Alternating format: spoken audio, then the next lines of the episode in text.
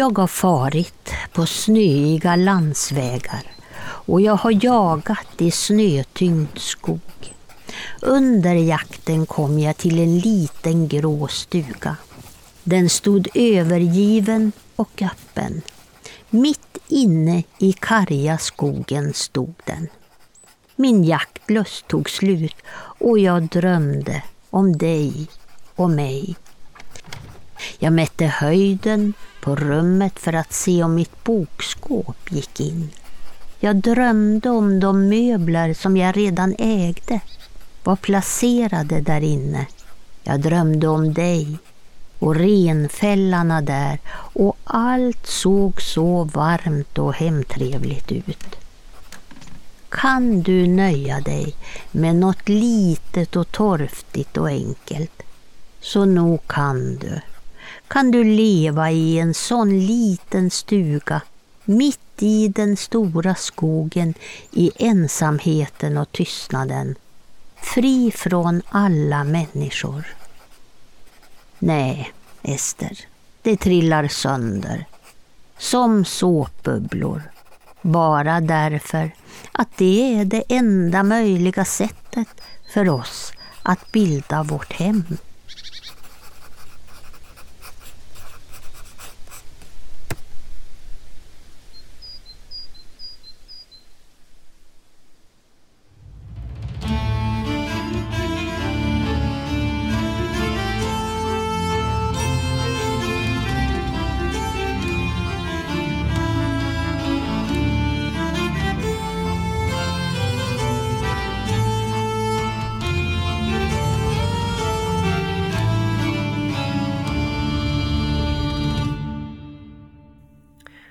Hej och välkommen till När man talar om trollen med mig, Lars Wahlström från Oknytt och såklart eh, Tommy Kosela som är doktor i religionshistoria. Hej Tommy! Hallå där!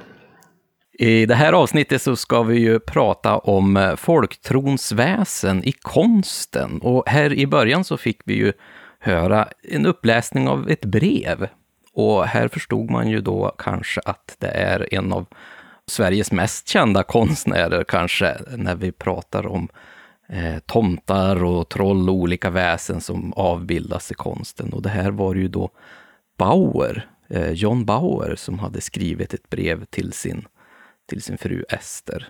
Vad kan, vad kan vi lära oss utav det här brevet? Det vi kan lära oss av det här brevet, det är han, han, som många konstnärer så hade han ju perioder där han mådde sämre. Och eh, ja, tvivlade på sig själv och på sin plats i den här världen. Och, eller ja, sin yrkesroll och mycket annat. Så det var en del vemod i hans, eh, som inte minst framkommer i hans brev. Nu vet jag att man håller på och jobbar på Jönköpings länsmuseum på, på att analysera och eh, forska på just brevsamlingen som finns bevarad. Och det är, inte minst så skrev han ju väldigt mycket till Ester, då, sin, sin hustru. Och hon skrev ju till honom också. Då, så det, det framgår en helt annan bild av honom, eller en spännande bild av honom, en mer nyanserad bild av denna stora troll och sagokonstnär. Ja, vi kommer att prata mycket mer om John Bauer i det här avsnittet, för att eh, han är ju en så otrolig känd eh, och, och, älskad konstnär eh, när man pratar om just folktro och folktroväsen. Och i det här avsnittet så har vi med oss tre stycken underbara gäster som eh, Tommy, kanske du kan berätta lite mer om? Ja, för att när vi ska prata om John Bauer så har vi tagit hjälp av Elina Drucker som är professor i litteraturvetenskap vid Stockholms universitet. Och hon har specialiserat sig just på barnlitteratur och, och, och har jobbat en del om John Bauer bland annat och, och tittat på de här konstsagorna som han har illustrerat. Och sen så har vi hjälp av Pia Melin som ska hjälpa oss att förstå medeltidens kanske kändaste konstnär Albertus Pictor. Och hon är då eh, första antikvarie vid Statens historiska museer och skrev sin doktorsavhandling om just eh, Albertus Pictor. Och sen har hon jobbat vidare med Albertus Pictor efteråt också, ett par volymer till som kom. Och den sista gästen vi har då är säkert väldigt välbekant för många lyssnare här och det är ju en illustratör som heter Johan Egerkrans och han slog igenom med kan man väl säga på bred front med sin nordiska väsen som senare följdes av det odöda och eh, sen också nordiska gudar och så har han illustrerat böcker om dinosaurier och nu jobbar han med en bok om drakar. Ja, det är ju en, en brokig skara otroligt kunniga människor och, och, eh, det här kommer att bli ett verkligen superintressant avsnitt. Men nu pratar vi ju om eh, folktroväsen inom konsten. Tommy, har du någon speciell eh, konstnär som du tycker illustrerar just eh, folktro och folktrons väsen på ett bra sätt? Jag, jag är väldigt intresserad av sånt här, så att jag vet inte om någon har följt mitt Instagramkonto, Suttungsbrew, så har man säkert sett att jag delat mycket konst av det här slaget. Men hitta en favorit är väldigt svårt. Det är ju John Bauer naturligtvis, eh, det går inte att inte älska John Bauer. Men även Theodor Kittelsen från Norge. Men ska jag, jag ska ändå välja ut en så ska jag säga Louise Moe som är norsk konstnär som sen bosatte sig i Danmark.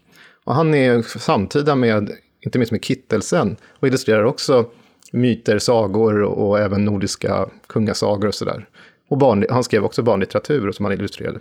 Så det, det skulle väl kanske vara min favorit. Har, har, du någon egen favorit här, Lars? Och ja, jag kan ju egentligen bara hålla med dig. Alltså det, det är ju jättesvårt att verkligen välja någon favorit. Och, och, jag till exempel som har det här oknytt, där vi tar fram olika bilder eh, med, med nordiska folktroväsen, inspireras ju av alla de här, precis som du har nämnt, liksom Kittelsen, Bauer, mycket Nyström. Och jag tror faktiskt att, att Bauer ligger ju såklart närmast hjärtat, men för mig är det väldigt svårt eh, att välja en eh, favorit. Om jag får, får liksom följa på där så är det att i det här avsnittet så blir det vi kommer ju nämna en hel del olika konstnärer som, och, som har haft betydelse, som har försökt illustrera olika väsen, eh, mm. och även en del som har jobbat med myter. Men vi, jag är ju inte på något sätt en konstvetare, eh, även om jag läst konstvetenskap en gång i tiden, men inte tillräckligt mycket för att kunna gå på djupet. Så att vi, vi liksom ska väl röra oss fram i historien från någon slags idé och från forntiden fram till, ja, till idag helt enkelt. Mm och, och försöka liksom säga vad vi tycker och eh, ge er lite fakta om, om eh, olika konstnärer och vad, vad, de har bidragit till och vad de har gjort. Mm. Och det är ju därför vi har ta tagit in lite extra förstärkning den här gången med, med, våra fantastiska gäster. Och vi kan ju redan nu säga till de som lyssnar på podden att många av motiven vi pratar om i det här avsnittet finns ju att se på vår videoversion av podden på vår Youtube och Facebook-sida. Eh, men du Tommy, om vi börjar här i forntiden, när vi pratar om mm. konsten. Vilka typer av bilder har vi långt tillbaka till tiden? Jag, jag kommer här uppe från Ångermanland och här finns ju väldigt mycket hällristningar till exempel. Där mm. man kan se väldigt mycket olika skeenden och, och många berättande delar kan man ju förstå. Eh, men vad har vi egentligen när vi pratar om eh, illustrationer av de väsen och den folktro vi har idag? Alltså om, om vi börjar med det här att vi pratar om en muntlig kultur. Så att man har berättat om eh, gudar och deras motståndare och förmodligen även sånt som har befolkat eh, närområdet, alltså eh, naturen, naturväsen. Det har ju förmodligen berättats om. Så att vi vet ju inte, hällristningarna är ett bra exempel och det är ju där du är, det finns i Ångermanland, Östergötland, det finns liksom lite, lite överallt utspritt i, i, i landet. Och det är ju det är flera tusen år gamla bilder som folk har gjort. Men det är väldigt svårt att veta vad de här betyder. Och vad de verkligen mm. föreställer. För att visst, man kan ju se jättar och man kan se annat där, i alla fall sett till storleken. För att en del figurer som ser ut som, alltså som människor ungefär. Eh, de, de är ju liksom, kan vara större än andra, men det är inte säkert att det är en jätte för det. Det kan vara en gud, det kan mm. vara någonting annat, det kan vara en person som liksom markeras på ett annat sätt. Men om vi, om vi drar oss fram lite grann, eller vi tar ett mellanstopp i någonting man kan jämföra med. Om man tittar på exempelvis antikens Grekland. För ibland vet jag när man har forskat om fornnordisk religion och sådär så blir man nästan, nästan lite avundsjuk på de här krukorna som finns där. För att de, dels är de ju oerhört vackra, men, men det, det, som de har som inte vi har här, det är att på flera av de här krukorna så står det nämligen vem det föreställer. Så man kan liksom se om det är Herakles, så kan man se det så Zeus, och så kan det liksom vara... Och så har vi berättelserna som passar in på de här, liksom, då, då förstår vi ju att det här är den berättelsen som är avbildad här. Men jag menar, vi hittar någonting här, man hittar i jorden en liten figurin och, och det, direkt är det teorier, är det här Freja eller är det någon annan gudinna, om det är nu kvinnokläder? Är det en mansfigur, vem, vem kan det föreställa? En, stor erigerad penis kan då tänkas vara Frej för att det är en fruktbarhetsgud. Men det är ju inte säkert, för det är ingen som vet 100 procent. Någon som sitter med en, en liten hammare, så förmodligen är det Tor. Men det finns idéer och det finns en sån här jättekänd eh, figur från Island som eh, ser ut en mansfigur som sitter i en stol och, och som håller någon slags skägg. Eller nu sa jag skägg, för det är en teori. Men en annan teori är att det är en, som kanske är mer rimligt, att det är en hammare han håller i och då är det förmodligen Tor. Eller att den blåser ut vindar är det någon som föreslår. Så att det, det är oerhört svårt, vi har ju inte texterna. Eh, och på bildstenar från vikingatiden, eh, och alltså som har bildmotiv, så ser vi figurer, vi ser vidunder och annat som kan vara väsen. Och ibland går det att koppla ihop dem med de bevarade skriftliga källorna vi har. Som i och för sig är yngre, men man kan ju tänka sig att levde i muntlig tradition. Men det, men det är väldigt svårt och även de här fornvästnordiska eller fornnordiska texterna, de är liksom, beskriver de ett väsen så är det oftast inte särskilt detaljerat. Alltså, mm. om man pratar om alfa eller någonting, då är det liksom, det, det, är inte så här, den här ser ut exakt så här, som stämmer överens med någonting annat. Så det, det, det är väldigt svårt med att tolka. Där jag skulle säga att det blir lite lättare, Sen när vi rör oss framåt i tid. För att de här, vi har när skriftliga källor börjar komma samtidigt. Ibland så kan vi prata om något som är medeltida manuskript. Och flera av de här sådana kallade illum illuminationer på sidorna. Och då har ju liksom munkarna suttit och eh, gjort fina teckningar. Det finns väldigt vackra sådana från resten av Europa, om man säger så, från kontinenten och från England och sådär. Och även här, det finns en del från Norden också som har väldigt häftiga sådana här bilder. De kan ju föreställa allt möjligt i färg och så. Och där är ju uppenbart i en del fall att de faktiskt föreställer eh, fabeldjur, som man säger, eller andra saker. Det kan vara enhörningar, det kan vara drakar. Djävulen naturligtvis kommer ganska tidigt med kristendomen, den är ganska lätt att känna igen då, eller djävlar av olika slag. Häxor kommer ganska tidigt i de här. Så att, ja, det, det, det är den vägen vi får gå och se en del sådana här nedslag. Men intressant är också hur man har liksom säg, kyrkobyggnaden och eh, vad man har liksom smyckat den med. Man har både på utsidan och insidan, man kan vara sådana här som, jag tänker på, första avsnittet pratade vi om jättar. I domkyrkan i Lund så finns det ju en, nere i, i källarvalvet så är det ju en, en, en pelare. Och den, runt den så är det en figur som kramar om den. Och, den här, och då finns det ju en sägen som berättar om jätten Finn som byggde den här kyrkan och sen förstenades han där och, och krympte i storlek. Så den, den, den är ju ett väsen så att säga som, är, som finns kvar, man kan gå och beskåda den idag. Och samma sak i Skåne, om man finns det Glimmingehus finns det också en stenfigur som står där som sägs vara en del berättelser, släkting med Finn och sådär. Vi har vapensköldar och sånt som kan föreställa en del saker. Vi har släkten Trolle som har ju en, en figur som hugger huvudet av ett troll. Så det är ju en del av deras attribut för den här adelsfamiljen. Så att sådana här figurer förekommer sporadiskt här och där under den här tiden. Men det kanske är lättare att vi lyssnar på någon som har mer djupgående kunskap. För jag minns ju själv en favorit, Albertus Pictor, som vi kommer in på.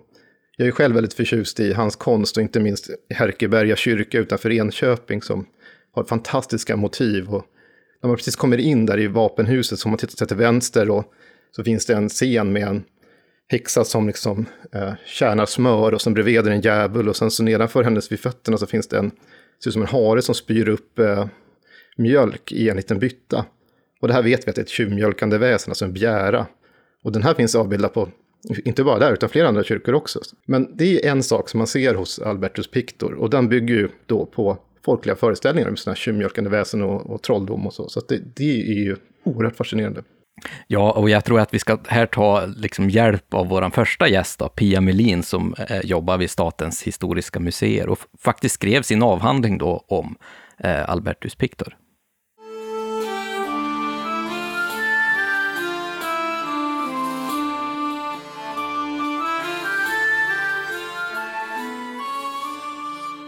Pia, du kanske kan förklara, vem var den här Albertus Pictor? Ja, Albertus Pictor är ju förmodligen den mest kända och omskrivna målaren som vi har från svensk medeltid. Eh, och det har ju skrivits massor av honom, om honom och eh, det finns ju också rätt mycket källmaterial egentligen om man jämför med hur lite det finns om andra målare. Han omnämns ju ett tiotal gånger i, i Stockholms stads tänkeböcker och han finns omnämnd i, i Skotteboken och i Jordaboken och i Helga Lekamens Gilles handlingar. Och trots då att han är den som vi vet mest om av de här målarna så vet vi nästan ingenting. Eh, utan det, det, är ju liksom ganska lite, vi vet väldigt lite om hur hans verkstad var organiserad, om hur hans konst mottogs. Men man får väl tänka sig att eftersom han målade i mer än, fler än 35 kyrkor eh, så bör han ju ha varit väldigt uppskattad och han eh, betalade ju också väldigt hög skatt. Eh, och det tyder ju på då att han har haft många uppdrag då också. Han måste ju varit ganska välbärgad då liksom. Ja, han, han eh, hade ett stenhus vid Norreport då, i, i Gamla stan som han faktiskt fick genom ett äktenskap. Då. Han gifte ju sig 1473 med en kvinna som hette Anna som var änka efter Johan målare. Och det är väl förmodligen så han kan etablera sig i Stockholm då för att 1465 så finns det en notis i Arboga om att han är där. Och man får tänka sig då att 1473 så dör Johan Målare och då finns det helt enkelt en plats ledig för en målare i Stockholm, för det var ju ganska hårt reglerat med hantverkarna på den här tiden. Så att då gifter han sig med Anna och eh, han löser då ut då barnen ur stenhuset. Då. En annan grej som kanske kan vara ett litet tecken på att han, han faktiskt var i den övre medelklassen är ju att eh, Piktor blev ju ovanligt gammal för att vara på den här tiden. Ja, och han har ju en verksamhetstid som sträcker sig alltså över, över 30 år. Um, om man beräknar då att 1465 så dyker han upp i Arboga. Och då blir han upptagen som borgare där på burspråk. Och då kan man tänka sig att han är ungefär kanske i 25-årsåldern. Eh, och sen dör han troligtvis 1509 eller 1510 för att det är sista notisen om honom då. Det är 1509 och sen året efter finns han inte kvar i skattelängderna längre då. Eh, Anna däremot finns kvar ett par år till då så att hon, hon överlevde honom med ett par år. Eh, men eh, det som vi vet då det är ju också att han kom från Tyskland ursprungligen. För att han signerar då i Sala sockenkyrka bland annat med tillnamnet Immenhusen. Och det är ju en liten stad då som finns utanför Kassel i Hessen i Tyskland. Och det fanns flera Immenhusen eh, i Tyskland vid den tiden, men det är förmodligen det här Immenhusen då utanför Kassel då som han kommer ifrån. Och hur han kom hit och varför, det vet vi inte. Eh, men eh, kanske var det så liksom att det fanns bättre tillgång till arbete i Sverige eller följde han med någon eller kanske på uppdrag av ärkebiskopen eller någon annan kyrklig potentat, det vet vi inte. När man tänker på en, en sån här målare kanske så, så ser man ju lite grann eh, ungefär som da Vinci, att man ser en ensam målare som, som står där ja. inne i kyrkan och målar. Men om jag förstår det rätt så var väl han kanske inte ensam, utan han kanske hade någon form av arbetslag eller liknande som... Ja, det var ju en verkstad då som, som arbetade tillsammans och det bör ju ha varit ungefär fyra till fem personer som har arbetat tillsammans då för att klara av att måla en kyrka under en sommar. Man arbetar ungefär då mellan juni och augusti. Eh, för att annars blir det liksom för mörkt och kallt. Eh, och det är ju just Albertus Pictors målningssviter är ju väldigt, väldigt komplicerade för det är ju mycket figurer. Eh, det är mycket språkband som man ska teckna upp. Man ska spara ut och, och rita upp de här väggfälten också. Det är nästan som i en serietidning då. Det får man ju rita upp först, de olika fälten då. Och och eh, sen så ska det ju målas det ska målas ornamentik, då man ska måla i texten i alla språkband. Och sen är det ju väldigt utmärkande för Albertus Pictor då att den här väldigt höga kvaliteten han har på måleriet. Han målar med lasyrer i olika färgskikt.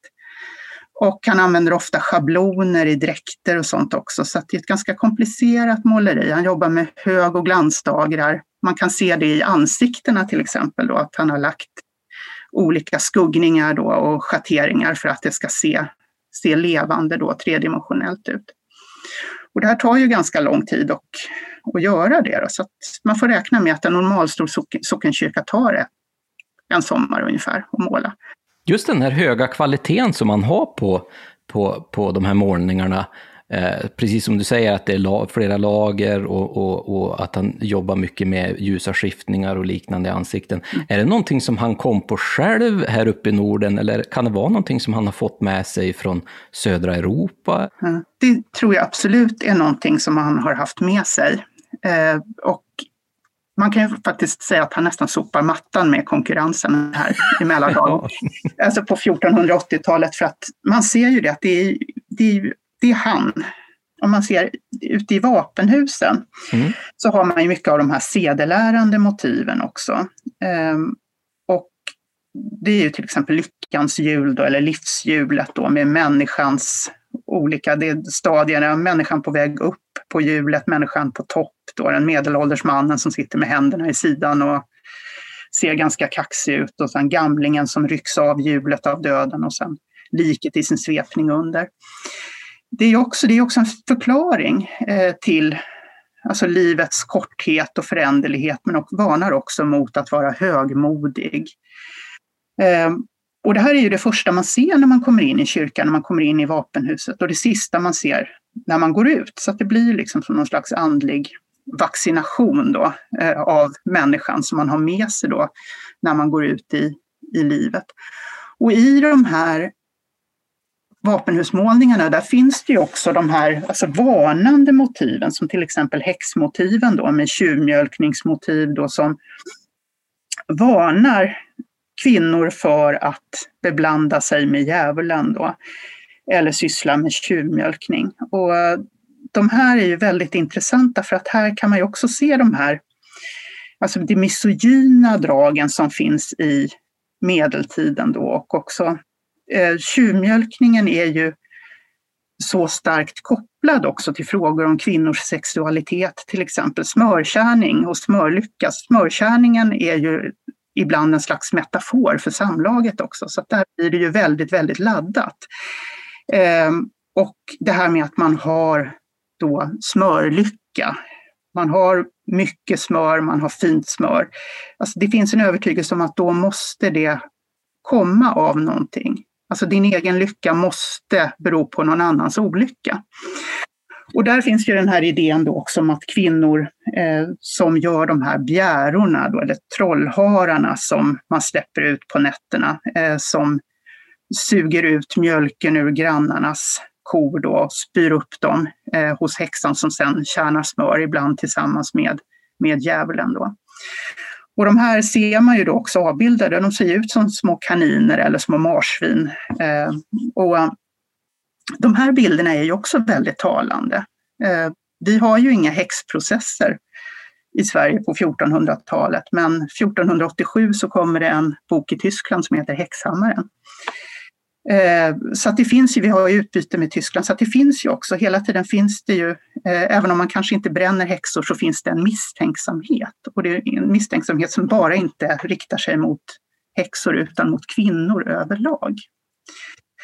Eh, så att det, det finns ju väldigt många trådar som man kan dra i när man tittar på de här målningarna. Vi har ju också Dödens schackspel till exempel som är helt unik som finns i Täby kyrka. finns ju inte i någon annan kyrka i Sverige. Just det. Eh, och där sitter ju liksom döden med schackspelet på sitt knä då och spelar människan i matt. Då. Och den här mannen liksom tar sig för bröstet och man ser han har vitt uppspärrade ögon, uppspärrad mun. Alltså han är helt oförberedd. Trots att det enda som egentligen är viktigt under medeltiden är att man förbereder sig för att man ska dö. Ehm, så det är också en väldigt tydlig uppmaning till människan att man ska se om sig själv, man ska se om sin själ, man ska tänka på livet efter detta, man ska ständigt, ständigt vara beredd, man ska ha biktat sig, man ska ha skrivit sitt testamente. Man ska alltid vara redo för att döden kan komma när som helst. Då. De här bilderna måste ju beskriva väldigt mycket om hur man tänkte på just livet under den tiden och hur man skulle förhålla sig till livet och olika skeenden och till, till människor. Och, mm. och det måste vara väldigt spännande att liksom utläsa Eh, just hur man, att man kan faktiskt få en inblick hur man tänkte på den tiden. Mm. Och det som är lite intressant är ju också att det är ju lite grann alltså som, som alltså det som är i folksagorna. Mm. Eh, det, det, är ju liksom verkligen det här se och lär. Mm. Alltså att man ska, man ska ta till sig, man ska förstå att så här går det. Eh, det är den det här, här mora alltså, moraliska eh, ja. tanken i berättandet som är väldigt Precis. viktigt. Liksom. Ja, en, en moraliserande tanke och, och sedelärande kan man väl mm. säga. Att man liksom, så går det. Och man har ju också då väldigt ofta i, i eh, västpartiet så, så mm. är det i vapenhuset så finns de ju i västpartiet de här sedelärande motiven ofta som dödens schackspel sitter ju i, långt ut i västpartiet i, i Täby kyrka och där finns också Lyckans jul. Ehm, och där finns ju också i västpartiet väldigt ofta yttersta domen. Mm. Så där har man ju liksom den här moralvaccineringen igen då, eh, mm. som finns där. Och man brukar ju säga då att det allra heligaste är ju liksom längst fram i koret. Det, den viktigaste bilden då teologiskt är ju den som är precis ovanför altaret. Eh, och ju längre från altaret man kommer, desto mer kommer man in liksom i lekmännens sfär. Då. Och Västpartiet är ju verkligen, det, det, det ser man ju om man tittar på bilderna, där är det ju ofta sådana motiv som har med, med dom och moral och, och sådana saker att göra också. Så att kyrkorummet är ju uttänkt, liksom, eh, bildernas plats.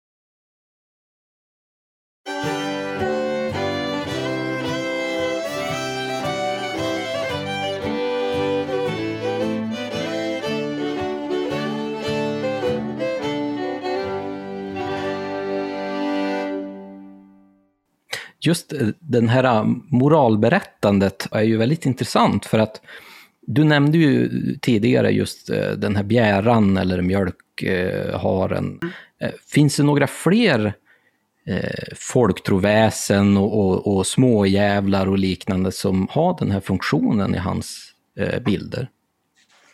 Det finns ju väldigt mycket små märkliga figurer då. Eh, i en del av kyrkorna, men inte i alla. Och det är också intressant. Alltså, I vissa kyrkor finns det jättemånga sådana som i Härkeberga. Men i andra kyrkor så finns det nästan inga, som i Täby till exempel. Och det borde ju ha att göra med beställarna, att man kanske inte ville ha det. Eller så att man fick mer fri, fria händer i, i vissa kyrkor än andra. Därför att i Härkeberga är det ju fullt med det är småjävlar, det finns en räv som håller i, i, i en liten behållare i handen som, som ser ut som nästan som ett provrör.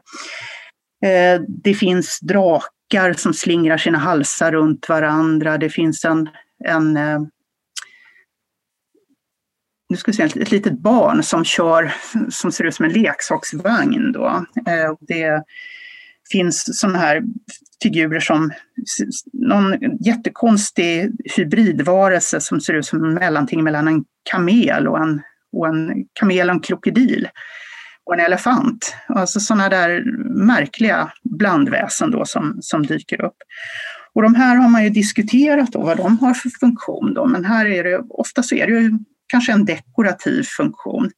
Eh, teologer som har tittat på, på de här målningarna, de vill gärna liksom läsa in att det skulle vara dygder och laster och sånt där i sådana här bifigurer, men det tror jag inte alltid stämmer, utan man måste tolka det utifrån det aktuella sammanhanget. Jag tror kontexten är väldigt viktig och jag tror att många gånger så har de samma funktion som de här marginalfigurerna i medeltida böcker.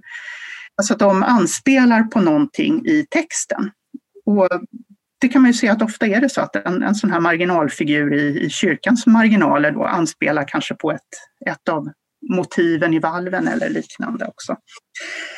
Eh, och där finns det ju lite blandade figurer. Det finns ju sådana här som man kallar för gryllus ibland, då, som, som är som egentligen som en huvudfoting. Då. Just det. Eh, som finns ibland och ibland så, så finns det konstiga blandväsen. Det finns vildmän i en del kyrkor mm. också. Som är ganska spännande, för dem har man ju tolkat ibland att det skulle finnas någon antik koppling till den här guden Silvanus, då, skogsguden. Just det. Och man har tolkat dem som att ibland lite mer romantiskt, att det skulle vara något sånt här uttryck för människans närmande till naturen och sånt där. Men det kan ju också vara det att de är alltså, sådana här marginalväsen, de lever lite utanför. Och därför så finns de ju också i, i kyrkans marginaler, i utkanterna. Att det är liksom inte riktigt människa eller djur. Och sådana figurer ser man ju ganska negativt på, ofta under medeltiden, eftersom det, de, de inte har någon liksom klar, alltså de är varken eller, de är varken människa eller djur. Eh, och det anses, anses generellt ganska dåligt då. Ja, för man kan ju tycka att ur, ur kyrkans synpunkt så är det ju kanske inte, det är nästan lite kontroversiellt att ta in de här i, i den här kyrkliga miljön mm. där vi vill ha de här bibliska mm. eh, berättelserna. Det är ju liksom en hednisk eh, tankesätt. På ett sätt. Det är det, samtidigt som de också är en del i, i Guds skapelse. Mm, mm. Och då har de en roll. Och det är också väldigt intressant just med alla de här fabeldjuren och, och det som, som finns under medeltiden, att de finns ju verkligen. Mm. Även om de inte finns i fysisk form så finns de därför att de finns i medvetandet och det räcker. Att de finns i människors medvetande och de finns i författarnas medvetande och i, i de här teologerna då som skriver till exempel Isidorus av Sevilla. Det räcker. Mm. För finns de i sinnevärlden, då finns de också, även om de inte finns i fysisk form. Och det är väldigt intressant för att för oss är det en väldigt konstig ett konstigt sätt att se på det. Liksom, för att mm. vi måste ha, på något sätt ha fysiskt bevis för att saker finns, men, men här behöver man inte det. Om våra eh, lyssnare och tittare skulle vilja besöka kyrkorna för att just se de här eh, bilderna, eh, och mm. kanske främst då de här olika små väsenen och, och mjölkharen och liknande. Mm. Vilka kyrkor ska man besöka då? Eh, Härkeberga är ju en självskriven kyrka. Det finns ju massor med, med roliga figurer där och så finns det också någonting som är jätteroligt där och det är ju vapenhuset så finns det en gloso. Och en gloso är ju ett sånt här eh, litet otäckt väsen som ser ut som en gris eh, med ilsket röda glödande ögon och sen så har den ju en rygg som är rakbladsvass. Och har man otur då så springer den mellan benen på en och klyver den i två delar. Ehm, och en sån finns ju faktiskt i vapenhuset då i Härkeberg. Och den har ju tolkats som ett piggsvin tidigare eh, av teologer då. Eh, och som ett, ett slags uttryck då för, för synd och så. Men där tror jag helt enkelt att det är, det är så att det är en gloso och den kan ju ha funktionen då att den står för dåliga saker naturligtvis, men det kan ju också vara en, en varnande eh, sak då för, för människan då att till exempel låta bli att springa på kyrkogården på nätterna och sådana saker. Då. Eh, sen så finns ju också Floda kyrka i Sörmland om man är neråt det hållet, för där finns det någonting som är väldigt, väldigt ovanligt inom det svenska kalkmåleriet. Det finns de här kämpavisorna i Floda. Där är ju alltså illustrerade ballader i ett valv och där finns det ju bland annat två stycken troll. Just det. Som är avbildade och det är ju Holger Dansk som dödar Burman och så är det hans ja. son Fösling som dödar ett troll. Mm. Eh, och det är ju en väldigt spännande kyrka därför att den har aldrig varit överkalkad precis då som Härkeberga. Eh, men den var nära att rivas på slutet på 1800-talet. Eh, därför att den var så liten och man behövde en större kyrka.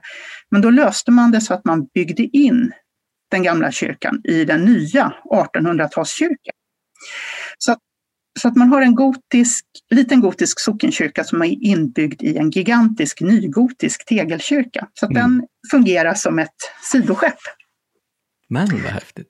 Så att det är väldigt kul, för där kan man se gotisk måleri tillsammans med nygotisk måleri mm. också. Mm. Så det är väldigt kul. Och så Täby kyrka finns ju också. Det är ju väldigt hög kvalitet på de mm. målningarna. Och där har man ju Dödens schackspel också som är lite extra allt sådär. Det är ju mängder av kyrkor och de är ju proppfulla med målningar. Men jag mm. misstänker mm. att när du har jobbat med det här och även kanske nu eh, att eh, du har tittat på en specifik målning många gånger. Har du någon, någon eh, speciell målning som han har gjort som du, du vurmar lite extra för? Ja, det måste jag ju säga faktiskt. Alltså det är, schackspelet i Täby är, den är magisk. Och även i Härkeberg, alltså livshjulet där, eller lyckans hjul. Mm. Eh, och jag, just lyckans hjul är så, den, den är så fantastiskt välkomponerad. Och det finns också sådana här små, små detaljer. Om man tittar på hjulet mm. så får man liksom känslan, det är målat lite skevt, så man får den här känslan av att hjulet bångnar lite, alltså det rör sig. Oh. Så det finns någon sån här lite trick i och, och det är också just det här med, med kompositionen är, är något speciellt där också. Jag tror han hade blivit jättechockad om han själv hade liksom vetat att det så mycket av hans verk finns kvar idag. För han, alltså, han hade ju inte det här 500-årsperspektivet som Nej. vi har. Han målade ju om kyrkor. Ja. Och det kanske var, jag vet inte, nu kan det ju vara en kombination. Då. Det kan ju ha varit hans smala lycka att, att reformationen kom liksom och det blev ju dålig ekonomi så att man inte gjorde så mycket i många kyrkor då förrän mm. eh, senare. Men, men eh, annars så var ju det det vanliga. Att det mm. gick ju kanske 20 år och 30 år och så målade man om. Det ser man ju, Albertus Pictor har ju målat över andra kyrkmålares verk. Och så det, det är jättespännande just det här med hur man faktiskt såg på kyrkomålningar som, som någonting som faktiskt, alltså det var inte det var inte permanent, utan det var, inte permanent, utan det var tanken att det skulle målas ja, om och göras. förnyades ja. liksom. Tiden går, det blir nya ideal och då mm ändrar man också på målningen. Och det kan man också se då på, man har ju även liksom ändrat om träskulptur, krucifix har man liksom gjort, målat om och snidat om då, även madonnor då för att de ska, ska passa för nya, nya ideal. Då. Det är ju ett spännande tankesätt eftersom när man tänker på kyrkorna så tänker man oftast på en ganska konservativ, ganska stillastående, traditionell mm. byggnad som ska liksom bevaras och, och, och, vara som, som det brukar vara. Men att här finns den här tanken att det ska förnyas, det ska bli mer intressant, det ska bli... Ja, idealen förändras ju, precis som mm. du säger, och att det, det, mm. det, det, finns en form av förändring faktiskt i, i mm. just det här. Mm. Men Pia, jag får tacka dig så hemskt mycket för idag. Ja, det här var själv. jätteroligt. Ja, det är jätteroligt att få prata ohämmat så här också. Ja. Om måleri. Så Det är inte alla dagar man får det, så det är bara roligt. Du är så varmt välkommen. Ja. Tusen tack, hör du. Tack, tack. Hej då. Ja, ha det bra. Hej då.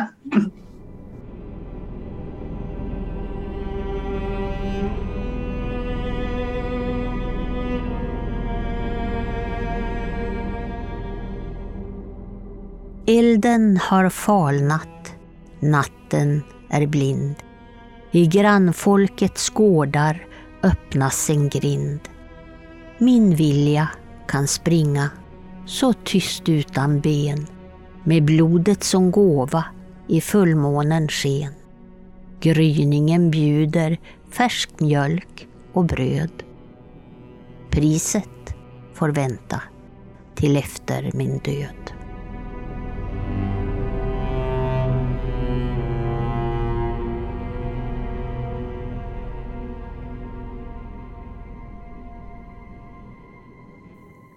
Ja, den lilla textsnutt som ni fick eh, höra här, det var ju från eh, en av våra egna bilder, Blodets makt, som vi kallar den. Och det är ju faktiskt då en illustration av en kvinna då som, som eh, bygger eller sätter ihop en sån här mjölkar eller en begära då.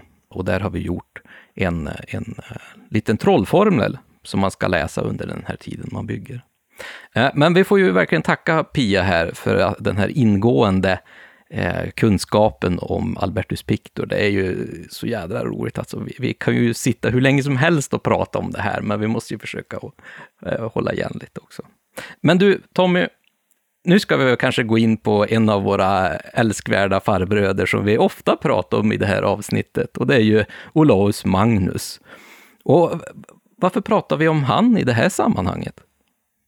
Jo, men det är så att konst, nu har vi pratat om kyrkokonst och sådär på väggarna. För Olaus Magnus är ju, var ju biskop, ärkebiskop då, som hade gått i exil. Men det är inte av den anledningen vi ska prata om honom direkt nu, utan han skrev ju den här historien om de nordiska folken som kom ut eh, på 1525. Och eh, under den här tiden så var det en del böcker som började tryckas med, och då fanns det koppar och träsnitt och sådär. Och det finns sådana här motiv även hos Olaus Magnus, för han beskriver ju, som ni, ni som har lyssnat tidigare avsnitt har ju också märkt att vi flera gånger har citerat honom och berättat att han nämner det och det väsendet. Och, och i flera av de här fallen så finns det en tillfälligande liten bild. Så att, om ni minns från tomteavsnittet så, så liksom är det ett stall där de liksom fejar små jävlar, mm. som ju då är en slags tomtar. Han har även ett ställe där det liksom är dansande som liksom är som skogsjungfrur, alltså som kanske kan jämföras med skogsrået. Och han har mycket havsvidunder från runt om i Norden. Alltså det kan vara, han beskriver från Norge en stor orm som är eh, 200 fot tror jag han skriver. Det är typ 60 meter ungefär, 61 meter. Och han, alltså mycket sånt här finns och han har ju en stor karta också som kom, Carta Marina, som också eh, trycktes med massa sådana här figurer. Man, man tittar på den noga så ser man ju, kan man se sådana här som är, uppenbart är då alltifrån jättar till andra små väsen. Men, men jag tänkte, en bild som finns med i 20 boken, i 19 och 20 kapitlet. Den, den heter Om fiskarna i Svarta floden vid Nyslott i Finland. Och det här är ganska spännande. Eh, det är egentligen Olofsborg, då heter den väl idag. Eller skulle man kalla den för idag. Och det är då, han skriver så här, i det nordligaste Finlands avlägsnaste trakter ligger en under Sveriges rike lydande borg som kallas Nyslott. Därför att den är särdeles sinnrikt uppförd och av natur och konst i föreningen starkt befästad. Och så fortsätter han beskriva det här slottet. Ovanför den så finns det en bild på ett slott och sen är det en figur som kastar sig ner från ett fönster till en liksom flod som går nedanför. Och i floden så finns det olika stora fiskar. Och sen ser man också en liten en figur som är som från, från midjehöjd upp som spelar ett instrument. Och det här är ju det som är intressant i sammanhanget. Vi pratar 1500-tal här. För att i 20 kapitlet så skriver han om den olycksbådande spelmannen i denna flod. Då ska jag läsa en kort vad han menar med detta. Citat. Vad den nu ovan avbildade spelmannen beträffar, som sitter mitt ute i strömmen och spelar på sin giga, så betecknar han ett varsel. När han visar sig bådar han nämligen att fogden eller befälhavaren på borgen ska drabbas av en bråd död, eller att en försumlig och sömnig vaktpost enligt krigslagens bud ska vräkas ned för murens krön och så gjuta döden. Denna flod hemsökes emellertid även av andra spöken och gastar som ständigt och jämt uppenbarar sig där, och som fortsätter han sen. Så att liksom, här har vi ju en väldigt spännande, dels bild av ett väsen, för det, alla känner väl igen det här väsenet, även om vi inte har pratat om honom i podden än, men det är ju det är såklart strömkaren eller Näcken.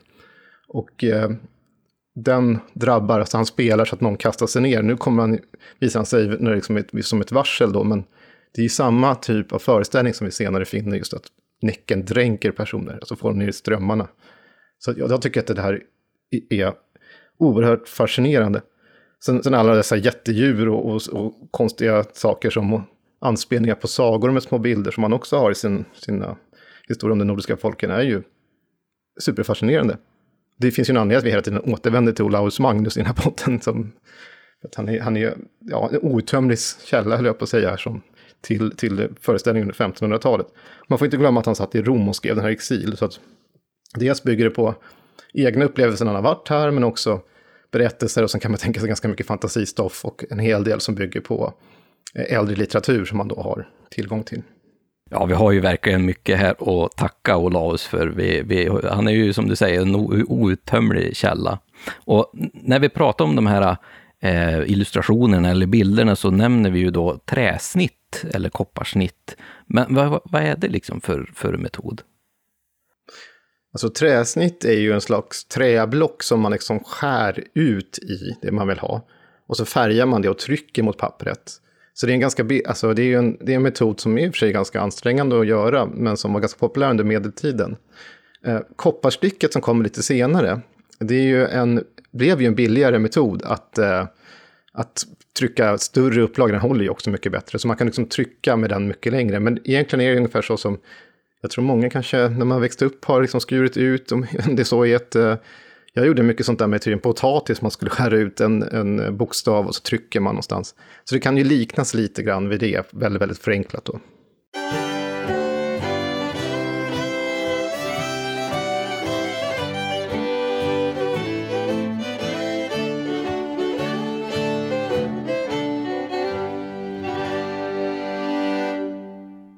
Ja, här pratar vi ju liksom om, om 1500-tal och det är ju väldigt länge sedan. Men hur ser det ut egentligen närmare vår tid lite grann? 1600-1700-tal? Finns det avbildningar eller teckningar på folktronsväsen under den tiden också?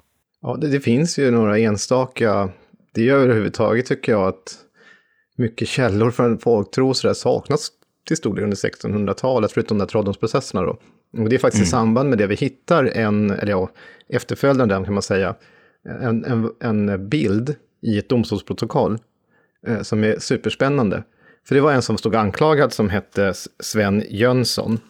Och eh, han stod anklagad 1707 för att han hade sexuellt umgänge med skogsrået. Eh, och han beskriver, i, i domen här så beskriver han hur hon ser ut. Och eh, då finns det en, en som bygger på hans beskrivning som har tecknat skogsrået. Så man kan liksom lite skämsamt kanske jämföra med en slags wanted poster på, från den här tiden. Eh, fast ja, det sattes ju inte upp alla träd runt om, som i vilda västern, typ, eller var bebyggelsen. Men ja, hur som helst så finns det i alla fall en bild av ett skogsrå från, den här, från 1707. Och det är ju superspännande. Och så som hon ser ut, man kan ju säga lite grann, den borde ju bygga rimligen på den här unga mannens sexuella fantasier om idealkvinnan. Just det. Så det är liksom, det är ganska breda höfter. Det, det, det är mm. ju inte ovanligt i, eh, och eh, ganska fylliga, kraftiga bröst. Och, ja. och samtidigt som man har det här, för man, man hade en diskussion som var verksam under den här tiden, alltså att det var liksom en, en ska man säga, clash, alltså en krock mellan olika sätt att se på omvärlden. Vi hade dels teologiska diskussioner om finns de här väsena eller inte? Alltså, vart pass, passar de in i Guds ordning? Det gjorde de inte, för då var det liksom, det är djävulens bländverk. Och sen har du liksom en framväxande, särskilt under upplysningstiden, för man har en, en, alltså en naturvetenskaplig syn på naturen, man försöker kategorisera allting. Tänk på att Carl von Linné är verksam som en av många. Vi har ju Rudbeck här i Uppsala också, de är spännande. Men alltså, man tänker inte kanske att det är väsen, utan man tänker att vad beror de på? Är det, liksom, är det existerande djur eller sådana avarter man knappt känner till? Eller är det en kombination, det här var det värsta, mellan människa och djur? Man får inte glömma att under trolldomsprocessen också framåt så var ju ett annat eh, straff som fanns, som straffades med döden, det var ju tidelagsbrott. Mm. Och det var, under trolldomsprocesserna så har vi cirka 300 kvinnor, mest kvinnor som avrättas för, eh, för trolldom. Och med ungefär dubbelt så många unga män, framförallt unga män, som avrättas för tidelagsbrott. Och det här med skogsråt, eller om man haft med Näcken, alltså ett naturväsen, det faller liksom in i de här kategorierna. Så att, då tänker man sig att ja, men det kan ju vara antingen om kyrkan kan säga som, men du har haft ett sexuell relation med djävulen, du har ingått nästan ett djävulsförbund. Men man tycker att nej, men annars är det liksom en slags, du har ju haft ihop det med ett djur och eh, det här är avkomman. Så att, och sen har du den folkliga föreställningsvärlden som jag glömde säga i det här med i de här domstolarna, då finns det de här väsena som finns i, i naturen runt om. Så det, liksom, det är olika bilder som krockar och den här bilden tycker jag påminner om det. Alltså, man får en inblick lite grann. Och det, är väldigt mm. spännande. Men det är inte vanligt, vi har inte sådär jättemycket bilder från 1700-1600-tal på hur man föreställer sig väsen, utan det här är lite, man får se att det är lite lite, inte, lite unik kan man säga. Ja men, ja, men det är ju väldigt spännande, precis som du säger, för att det, det, det berättar ju lite grann om sin samtid, så många av de här historiska eh, konstföremålen och, och avbildningarna som vi har, även de här kyrkmålningarna från Albertus Pictor till exempel, att det, det berättar mycket om sin tid och hur man tänker och vilka värderingar man har. Och, och, som du säger, speciellt ur den här tiden där vi ändå har en liten teologisk krock från många olika håll. Liksom.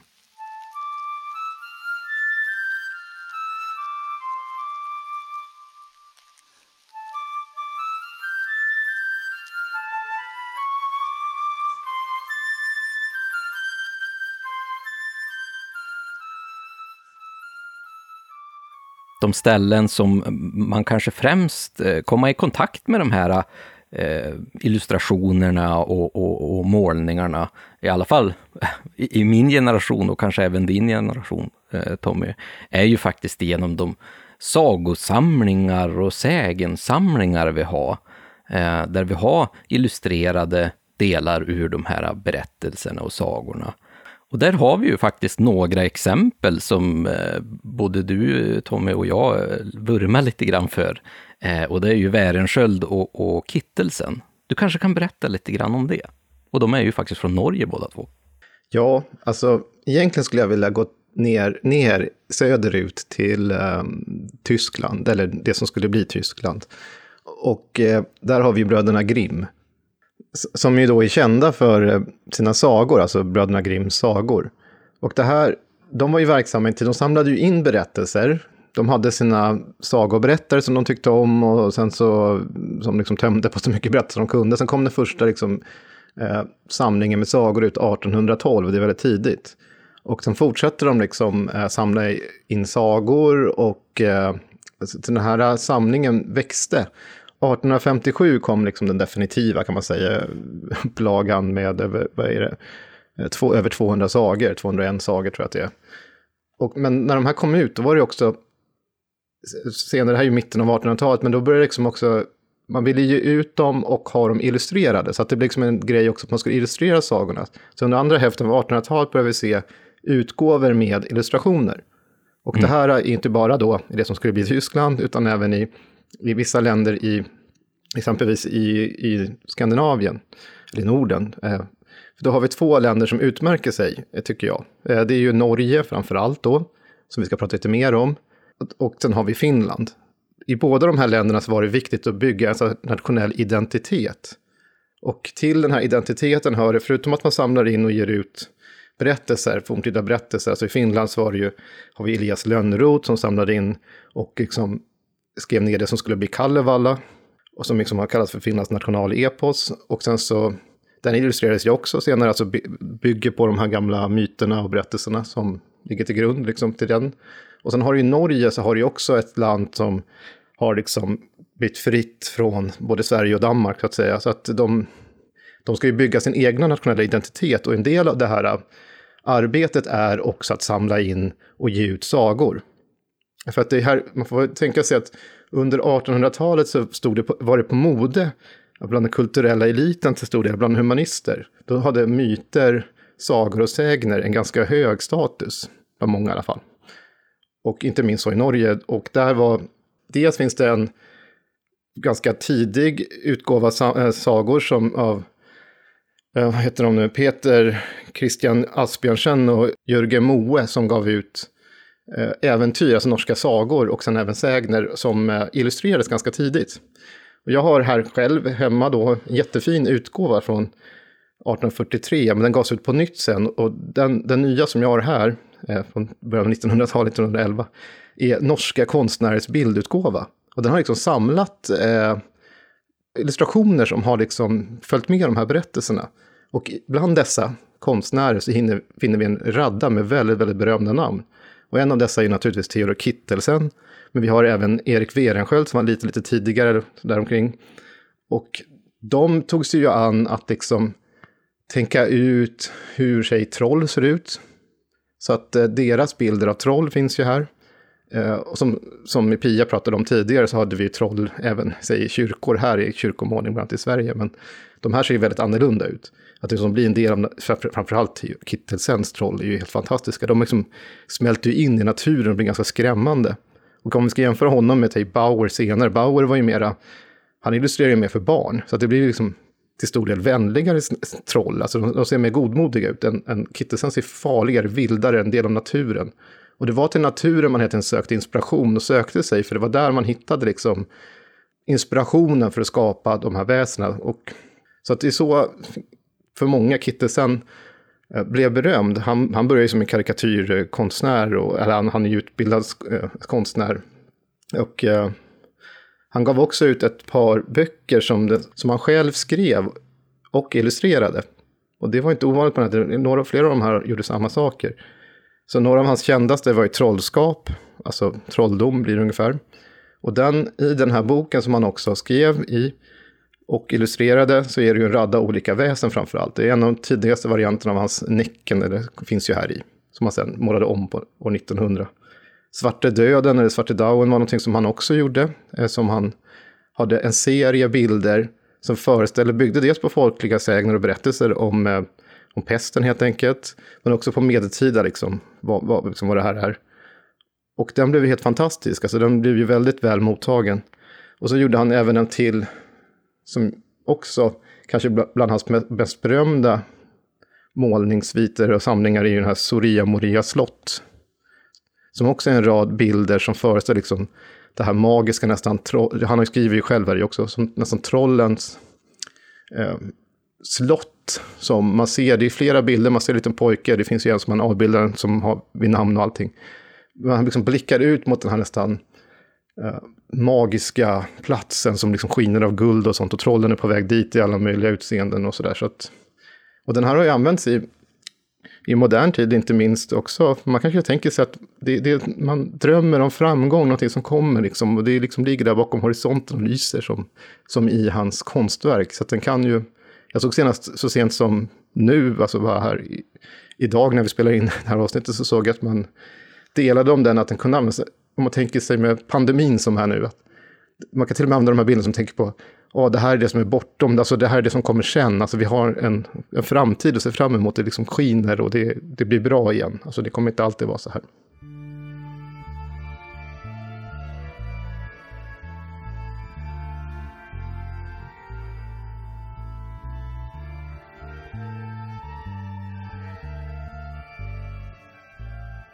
Så mäktigt den grå dimman kunde komma krypande från havet och plötsligt omsluta hela sagovärlden och med vilda toppar och dalar skapa de mest magiska och fantastiska varelser.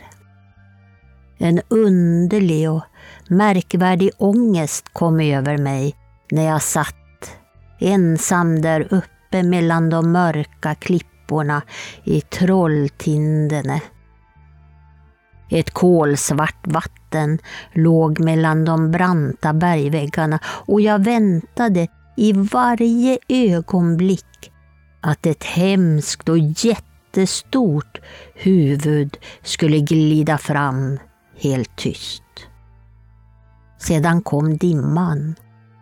Allt runt omkring bleknade och försvann i det gråvita havet bara de vilda fjälltopparna vandrade som mäktiga troll i sin ensamma öken.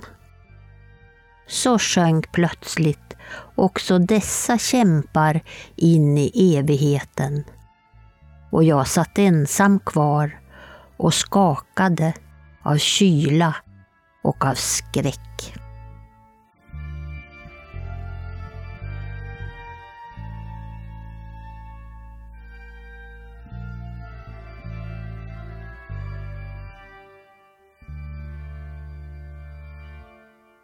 Ja, här hör vi ju en del ur, Kittelsen skrev ju, han var ju en duktig författare också, och han skrev ju memoarer, så det finns en, eh, en självbiografi över hans liv så att säga. Och här får vi en del eh, inblick i hur, hans, hur naturen blir en del av hans författarskap.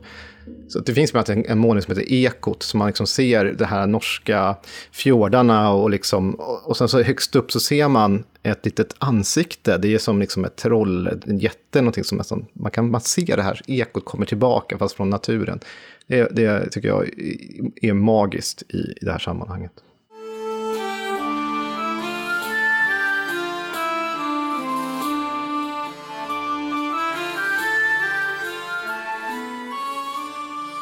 Ja, vi kan ju också nämna en annan norsk eh, konstnär, eh, Moe. Eh, och då är det inte den här Otto Moe, som eh, kanske också är ganska känd, som illustrerar väldigt mycket tomtemotiv. Det, man skulle nästan kunna kalla han för eh, den norske Jenny Nyström lite grann. Utan det här handlar då om Louis Moe, eh, som var en väldigt känd illustratör i eh, brytpunkten mellan eh, 1800 och 1900-tal. Men vad kan vi berätta om honom? Alltså, han har hamnat i skymundan kan man säga, särskilt för eftervärlden. För att eh, han var ju egentligen samtida med Kittelsen och de gick i samma skola och sådär. Det finns inte så mycket som tyder på att de hade något direkt samröre med varandra.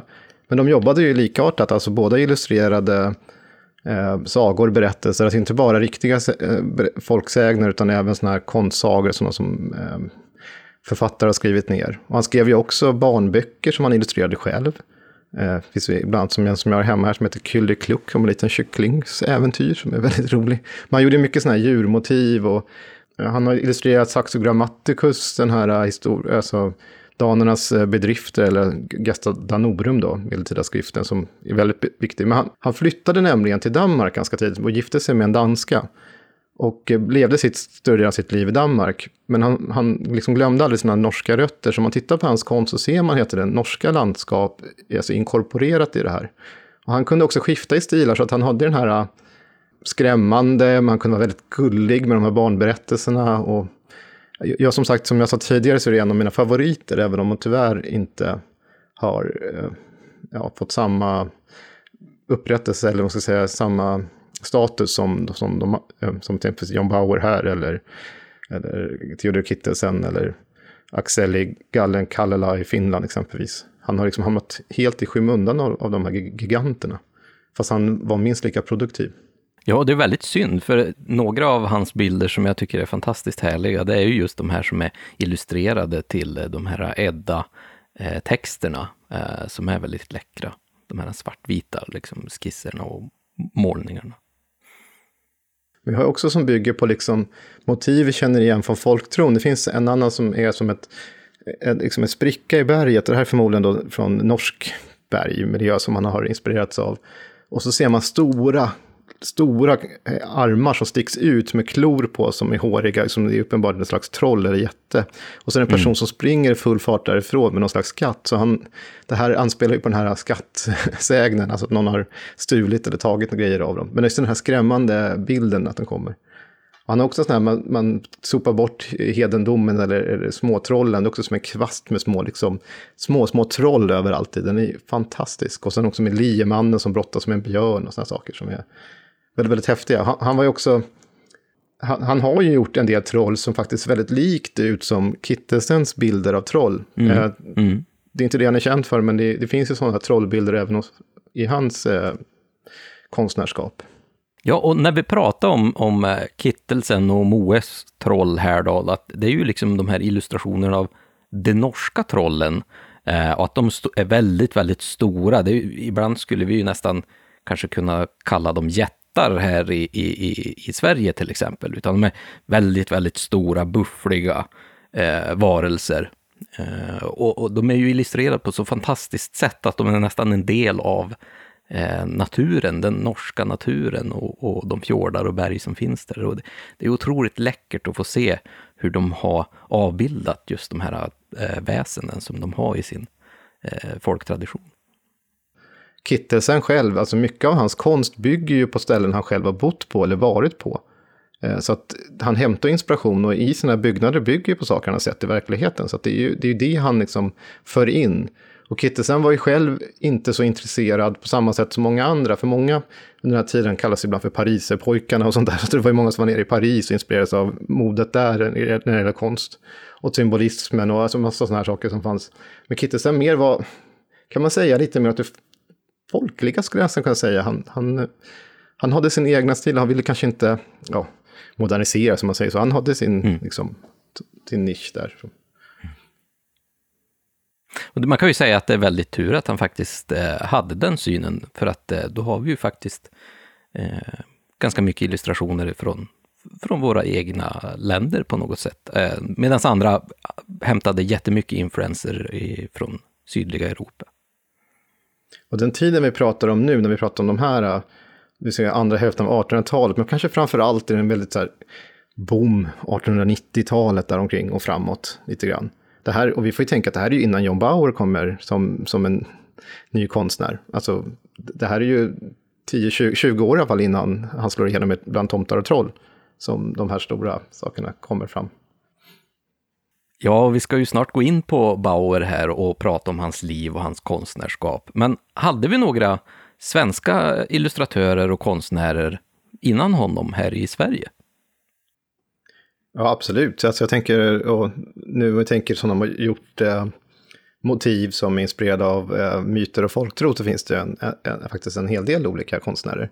Jag kan ta upp som ett exempel han Nils Blomér, som, eh, när det gäller Nils Jakob Olsson, som han egentligen hette från början, skåningen. Han är ju känd för sina bilder bland annat av ängsälvor från 1850.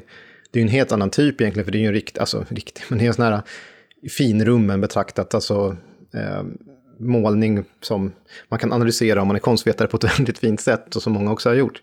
Men att den, den liksom visar ganska oskuldsfulla personer som dansar runt och den är väldigt vacker. Eh, och eh, han, han gjorde även andra varianter. Han gjorde den här eh, Näcken och Ägers döttrar och den är från 1850 också. Och det är liksom, man ser Näcken i mitten och sen Äger som man vet för fornnordisk religion, det är liksom havsguden och hans döttrarna runt om. Så han har liksom blandat det här i den målningen. Som är också väldigt, väldigt vacker. Och det här är ju också tidigt. Och sen så har vi ju Freja och katterna. En bild på när hon är ute med sin vagn och så dras han av katter. Men runt om där har han små änglar, så här keruber nästan, små tjocka änglar som är med. Så den, den, är, den är oerhört vacker. Så, så han är ett exempel.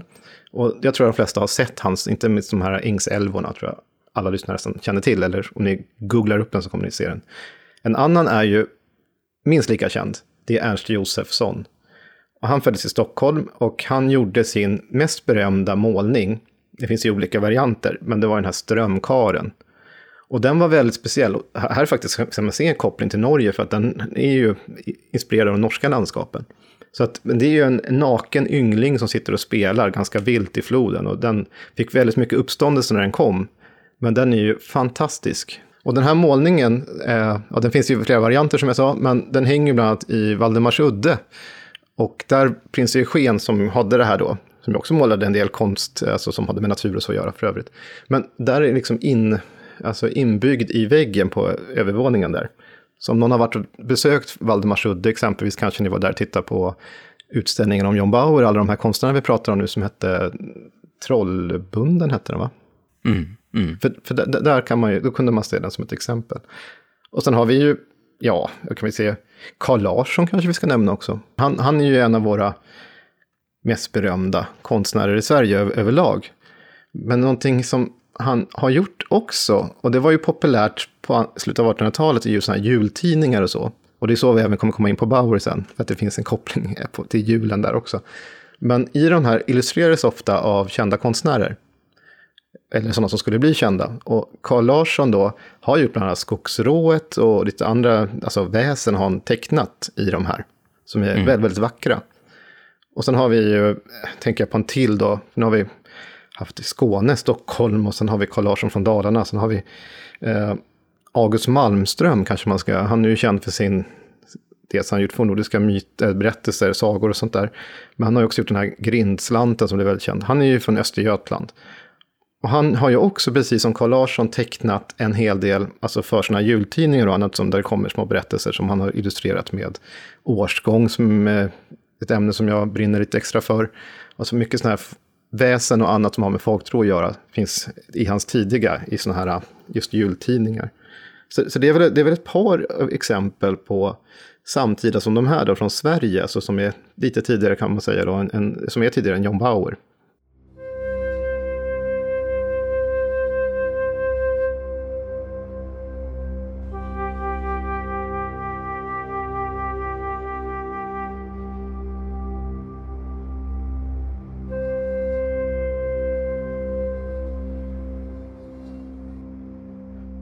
Det hände sig en kväll, strax före midsommar. Det var för många, många år sedan och himmelen och jorden var lika vackra då som de är nu. Solen hade gått ner.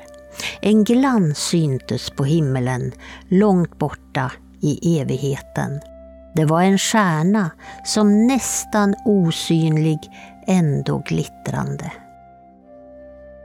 Den långa Tyresöfjärden låg som en spegel och skogen stod orörlig och tyst. I ån som löper ut i fjärden var vattnet kolsvart inne under granarna.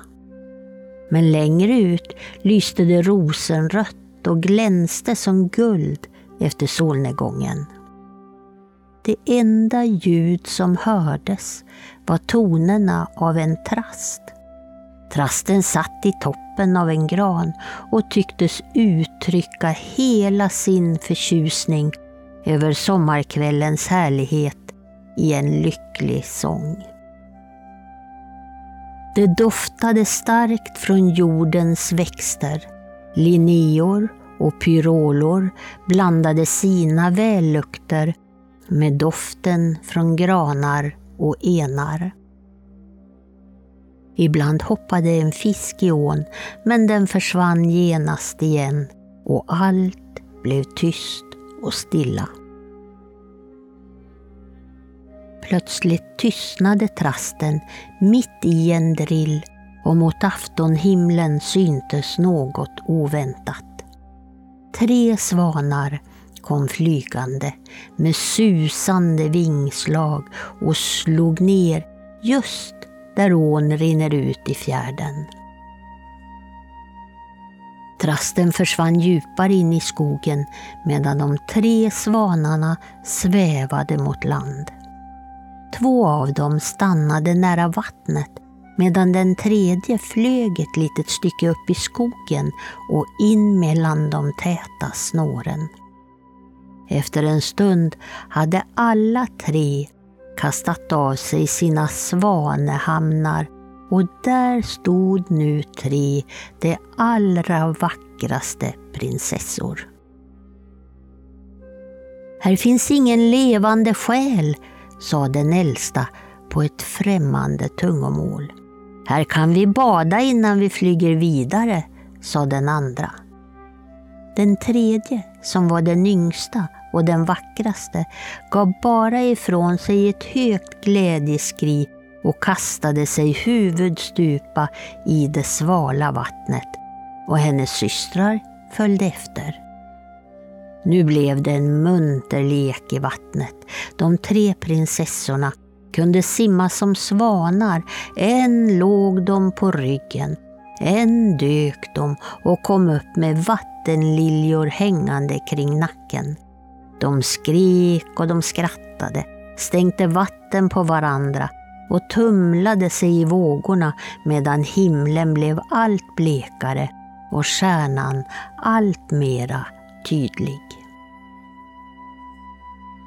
Gång på gång sprang de upp på strandkanten och kastade sig i mossan mellan blommorna, men bara för att åter störta sig ut i vattnet och simma med varandra. Plötsligt sa den äldsta tyst. Jag tror mig höra människoröster. Fort, vi måste fly. Och på ett ögonblick var de båda äldsta i land och hade tagit på sig sina svanhamnar. Nu stod de åter där som två stora vita svanar och sträckte på sina långa halsar. Skynda dig! ropade de till den yngsta prinsessan som ännu var kvar i vattnet. Vi flyger nord-nordväst, kom efter så fort du kan. Och därmed svävade de bort över bergen. Den yngsta skyndade nu upp i skogen och in mellan snåren, men hon kunde inte hitta sin svanehamn. Ängsligt sprang hon fram och tillbaka och tittade i alla buskar. Ve mig, jämrade hon och vred sina händer.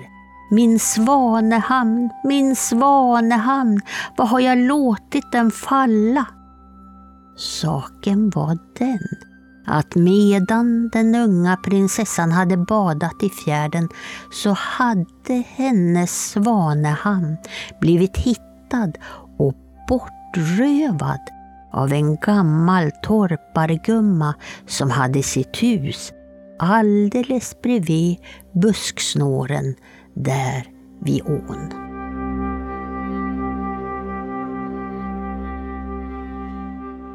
Nu ska vi ju gå in på ett ämne som jag tror många av oss har suttit och väntat på och det är ju då John Bauer. Och här fick vi ju höra en ganska lång text eh, som är en del av en eh, liten saga. Och ni kanske kan känna igen den här, eh, för den heter ju då Svanhamnen och kommer ifrån sagosamlingen Tomtar och troll som ges ut en gång per år. Men Tommy, John Bauer, vem var han egentligen? Han är ju kanske vår, han är vår mest berömda trollkonstnär, eller tomtekonstnär, inte tomtekonstnär, trollkonstnär är han då. Tomtekonstnär har han ju en väldigt kraftig konkurrens av, av andra, inte minst, minst Jenny Nyström. Men eh, ja, han är ju en konstnär från trakterna kring Jönköping som säkert många vet om och han gick ju tragiskt öde till möten som 36 år gammal när han var på ångfartyget Per Brahe i, som omkom i Vättern då som en höstkväll utanför Hästholmen. Så att, eh, och då hade han ju med sig sin fru Ester och deras son Putte, som egentligen hette Bengt då, men Putte kallades han för. Och då hade John Bauer gått igenom en tid när han liksom hade, han var ju skolad konstnär så han hade ju idéer om hur han skulle vidareutveckla sin konst och sådär, så att han tecknade ju troll och sådana här motiv, men han gjorde ju även annat. Eh, han hade tidigt i sin karriär så fick han i uppdrag att åka upp till, eh, på Lapplandsresan som man sa då. Och då skulle han upp, eh, 1905 så var han ju uppe där och eh, illustrerade. Och då kom det ut en bok som, med hans illustrationer, som är väldigt många illustrationer av liv bland samer, alltså som han då upptecknade. Och eh, han beskriver i sina brev också om hur alla dessa förbannade myggor som han utsätts för där uppe och sådana här saker. Men eh, då finns det ju också eh, tankar om att en del av trollens sen, senare attribut bygger också på, på sånt som man har sett här i samernas eh, dräktskick. Och eh, det är med mycket silver som man tänker sig då, som trollen har, och lite mera, alltså annan typ av klädesplagg, även om John Bauer drar ett steg till. Och han är ju inte negativt avvokt insett sina troll. Som, man kanske kan, om man ska jämföra honom med Kittelsen så är Kittelsens troll farliga och hotfulla, medan John Bauers troll är ju inte, oftast inte det. Vi har ju, de ser ju, de har de här stora näsorna, de, har, eh, de är stora, klumpiga. Men han har ju även de här trollen som är, alltså, som vill vara människor. Det finns det här med, med eh, solögon som någon heter, som han illustrerar också, som liksom kan, vill, vill leva bland människorna och sådär. Så, så jag tycker att hans bild är ganska, är lite mer komplex än vad man ibland kanske kan Eh, ja, lite elakt eh, anklaga honom för det ena och det andra. Men de är en, en, del av naturen men ändå inte. För att i, jag tycker att i många av hans eh, konstverk så liksom är det liksom ganska tydligt var trollen börjar och naturen alltså, tar vid. Alltså, de är en del av naturen men de är inte som i, oftast i alla fall. Det finns ju undantag hos Bauer, liksom hela naturen är av troll och liksom, de kommer från överallt och de ser ut att vara, alltså, smälta samman med naturen.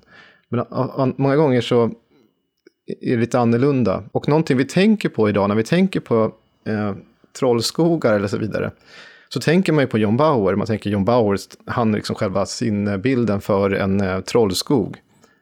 Eh, och det vi har sett från hans konst. Men det intressanta här är ju att det är ju en kulturskog, alltså det är ju man kan ju se det om man, om man är medveten om man tänker på de här bilderna så är det ju väldigt sådär, det är ju granar eller tallar, som, tallar snarare som är väldigt glest emellan. Alltså, och det är ju inte, och massa mossa och sådär, precis som man ser där man har planterat ny skog helt enkelt. Och det är ju inte konstigt för han har inspirerats av sin närmiljö då. Eh, och det är ju inte, det är inte den här, som vi pratade om i avsnittet om den förtrollande skogen, att, man, att en riktig alltså trollskog, en naturskog eller en urskog är ju liksom där saker växer helt vilt på varandra så att säga. Där träden har blåst omkull och växt över varandra och sådär. Men det, det är inte jättevanligt i hans konst, utan det är ju mer den här planterade skogen. Bauer är ju en sån himla komplex figur och så otroligt viktig i det här sammanhanget när vi pratar om just folktrons väsende, konsten. Så jag, eh, vi ska ta lite förstärkning här av Elina Druker, som är professor i litteraturvetenskap med inriktning på barnlitteratur.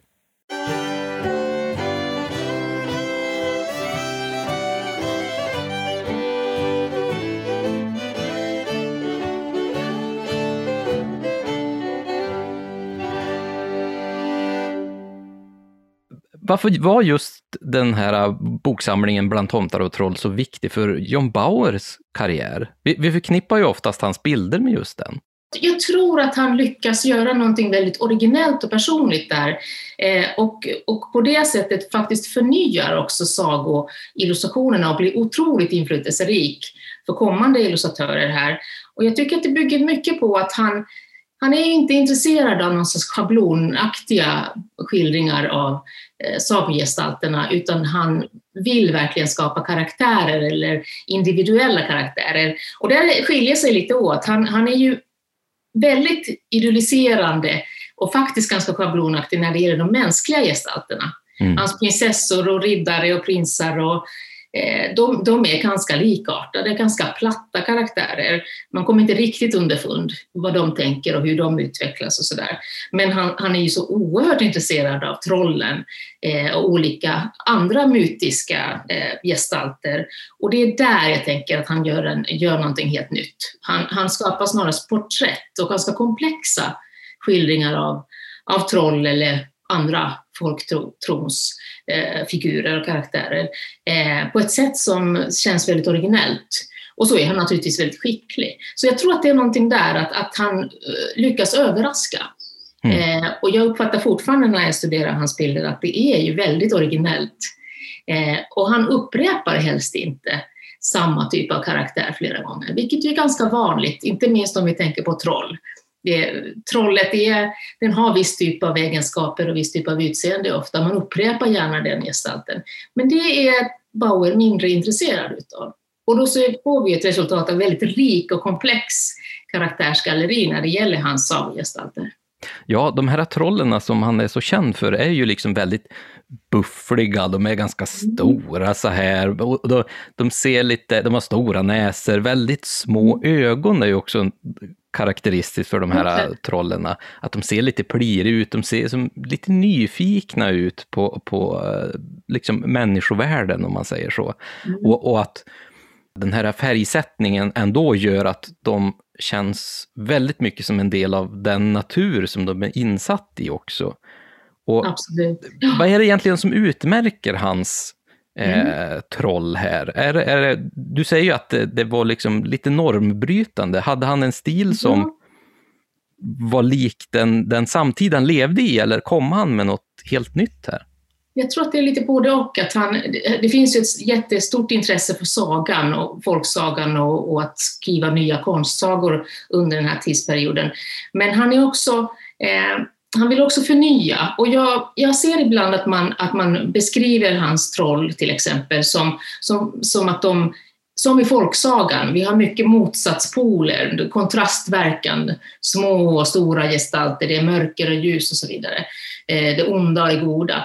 Men jag skulle nog säga att det inte riktigt stämmer, utan jag, jag tror att han är väldigt påverkad av folktron och Segner, som ju har en lite annan trollgestalt.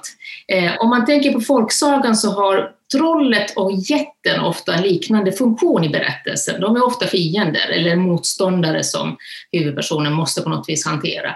De är ofta beskrivna som lite klumpiga, precis som du säger, lite tröga. De kanske har en skatt eller, eller någonting som huvudpersonen vill komma åt.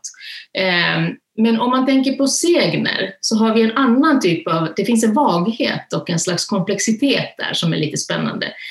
Om jag förstått rätt så är det ganska vanligt i, i nordiska segner om troll är att de kan, de kan påminna människor. De kan till och med ta människogestalt men att de kan avslöjas på olika sätt. Till exempel att de har en svans eller, eller att de inte kan vissa ord eller begrepp som människan förstår. Eh, men att, jag, jag skulle säga att det sistnämnda här, den här vagheten som finns i folktrons trollgestalt, är det som Bauer faktiskt lyfter fram. Eh, så att han, har ju, han är ju mycket mer intresserad av, av komplexa troll som, som glider någonstans mellan det mänskliga och det här traditionella, eller folksagans trollgestalt. Eh, så det finns en stor bredd där. Ja, och det ser man ju också i hans bilder, att vissa troll är mer de här som ser ut som en buffeljätte Ja. Liksom. Men, mm. men sen finns det de som han har även gjort som är liksom mer eh, slanka, lite mer mänskliga, kanske har en annan, lite annan typ av klädstil och så här. Så att det finns ju verkligen den här tvetydigheten att de har olika former hela tiden. Mm. Mm. Och det, det, jag tycker det skiftandet eh, är ju det som gör hans trollkaraktär också, också så eh, fascinerande. vi, vi har kvar den typen av idéer som det urgamla, den urgamla naturen och naturen som någonting mystiskt och hemlighetsfullt. För naturen som du, som du nämnde är ju så starkt kopplat till trollen. Ibland är de till och med en del av naturen. De målas som, som en del av sin bakgrund. De har samma färg, de kanske är mossbeklädda eller de påminner om rötter eller stenar. Och han spelar väldigt mycket på, på den kopplingen, det här urgamla och urskogen och berget. Men sen har vi det här med mänskliga gestalterna och med mänskliga uttryck. De kan till exempel, som du säger, de kan titta utåt mot betraktaren. Deras små ögon tycks ha en slags nyfikenhet eller någon slags... Eh, de förmedlar en känsla. Och då är han ju mer intresserad av att skapa någon sorts porträtt av, av faktiska individer och inte bara ett slags folk eh, allmänt. Och det är det jag tänker är faktiskt väldigt... Eh, det är det som särskiljer honom från många, många andra illustratörer från den här tiden som liksom mer, eh, vad ska man säga, upprepar en slags eh, sagogestalt. Och i sagan är ju sagogestalterna, folksagan, så är de ju ganska typiserade, förenklade. Eh, det är inte jättemycket man får veta om deras personlighet eller känslor eller tankar. Men Bauer gör tvärtom. Eh, och möjligen handlar det kanske också om att han samarbetar med, med den typen av författare som till exempel Elsa Beskow eller mm. eh, Helena Nyblom som ju är väldigt skickliga och intresserade av att, av att skildra ett troll eller en huldra eller, eller en, någon typ av mystisk gestalt med, med, med liksom en nyansrikedom. Mm. Det är intressant att se, hans bilder är ju det vi, vi känner igen och minns, men om man faktiskt läser sagorna så finns det ett tydligt samspel mellan hans han har uppenbarligen läst sagorna noga. Det finns ett samspel mellan texten och bilden där eh, som är lite kul att upptäcka. Ja, och det är ju klart, han var ju väldigt intresserad av just folksagor och mm. sagor överlag. Och även naturen och folktron. Och det är ju klart, det, det, det genomsyrar ju då hans, hans eh, motiv och hans konstnärskap naturligtvis. Mm. För han var väl väldigt, väldigt intresserad av just natur. Mycket av hans motiv innan han började liksom måla troll och liknande var ju mycket natur och han jobbar ju mycket med, med ett samiskt projekt där han målar mycket samisk Precis. Eh, livsstil och kultur. Och ja. Eh, det är ju kul liksom att se eh, att, att det blir så tydligt i hans bilder ändå. Mm. Ja, och på flera plan. Jag tänker på både den småländska naturen men också precis hans resor till Lappland blir ju viktiga. Och man ser ju det väldigt tydligt i um, om man tittar också på trollkaraktärerna så, så, ser man klädesplagg eller föremål som uppenbarligen bygger på föremålsstudier han har mm. gjort under sina resor till mm. exempel. Eh, smycken, det kan vara knivar eller skor eller en mössa som, som man inser att ja, men det här kommer nog från, från hans, hans skisser och, och bilder från, från Lapplandsresan. Eh, och det här är väldigt intressant för att eh, man kan ju problematisera detta också för att det här är en tidsperiod där vi har en tydlig exotisering i samhället och kulturen av samiska kulturen. Och vi har ju pågående rasbiologiska idéer och en slags vad ska man säga, antropologisk eh, kartläggning av samiska kulturen som ju inte är helt oproblematisk. Vill man läsa mer om det så har konstvetaren Jeff Werner skrivit ganska nyligen om detta.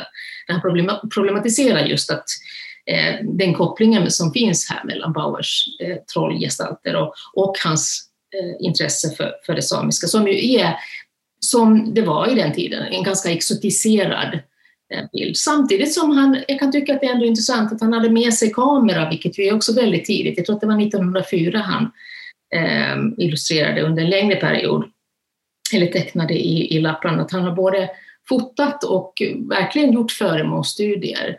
Och det påminner snarast om att han är ju också intresserad av till exempel 1400-talsmåleri, italiensk måleri. Jag vet att han, han, han är uppenbarligen påverkad av prerafaeliterna. Det finns ett slags intresse för det medeltida. Det. Eh, så det finns både en slags intresse för sagan och det mytiska, men också faktisk medeltidshistoria. Mm. Eh, så det är en slags kombination hela tiden av, av vad ska man säga, studier av faktiska föremål och element och perioder och platser. Och sen det här sagan och, och myten.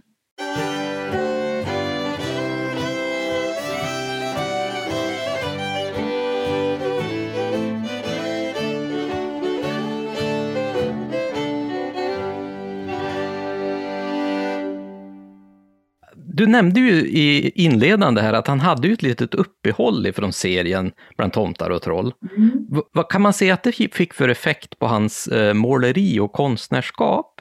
Mm. Förändrades hans stil efter, när han väl kom tillbaka då till, till, till nästa upplager eller? Faktiskt så fick det konsekvenser. Avbrottet hade att göra med att han hade en konflikt med förläggaren som ville bevara, eller som vill, menade att han ägde mm. originalteckningarna, vilket Bauer då inte tyckte var korrekt och eh, avstod, avstod då för att, från att medverka eh, 1911. Eh, och efter det så, så inser nog också förläggaren vilken, vilken fantastisk möjlighet det här finns med, med Bauers, samarbetet med Bauer. Och man satsar också mer pengar på tryckteknikerna, så alltså att det finns plötsligt bättre trycktekniska möjligheter för honom. De tidiga utgåvorna är ganska enkla, det är en färg mot, mot svart, ofta gult mot svart. Eh, och jag vet att Bauer har uttryckt att han var, han var frustrerad över bildkvaliteten, att det, att det var så långt ifrån det han ville egentligen förmedla. Den aspekten förbättras ju faktiskt efter, efter 1911, så de sista fyra åren så är det fler färger och det, det, är bättre tryckkvalitet på bilderna, vilket ju ger honom möjlighet att jobba med det här som vi känner igen så väl i hans bilder, den här, de här dämpade, ganska nyanserade färglagren och eh, väldigt speciella eh, mönster eh, och färger. Så på sätt och vis så påverkade det faktiskt. Denna strejk på ett år ledde till att han fick bättre möjligheter som konstnär eh, därefter han blev ju otroligt omtyckt av allmänheten när, när de släppte just eh, Bland tomtar och troll första gången med John Bauers eh, målningar och teckningar. Ba, hur reagerade de när det blev det här uppehållet? Det ble, de blev väl eh, inte jätteglada som jag förstod? Nej, det tror jag verkligen inte. Och, och jag tror också att efter att han slutade 1915 så det kan inte ha varit lätt för just Gustav Tenggren och andra som kom efter honom att, att försöka fylla mm. den rollen. Det, det gick ju nästan inte. Mm. Um, så det, det, han slog verkligen igenom på ett, på ett väldigt ovanligt sätt där, väldigt stark, på, stark påverkan på, på barnlitteraturen och, och kulturen och, och den visuella kulturen generellt. Uh, jag tror att han träffar rätt uh, någonstans där, både intresset för naturen under den här tidsperioden, det nordiska är väldigt, väldigt det, det, är ju det han är intresserad av. Och lyckas på något vis också förmedla i sina bilder sådant som vi uppfattar är kännetecknande för, för Norden. Jag tänker till exempel sommarnätterna, den typen av väldigt speciella ljus han ofta har. Det är ju inte dagsljus för det mesta, utan han är intresserad av någon slags halvljus. Det är ofta skymning eller, eller som sagt en ljus sommarnatt, eh, vilket ger ju en väldigt särpräglad stämning i bilderna.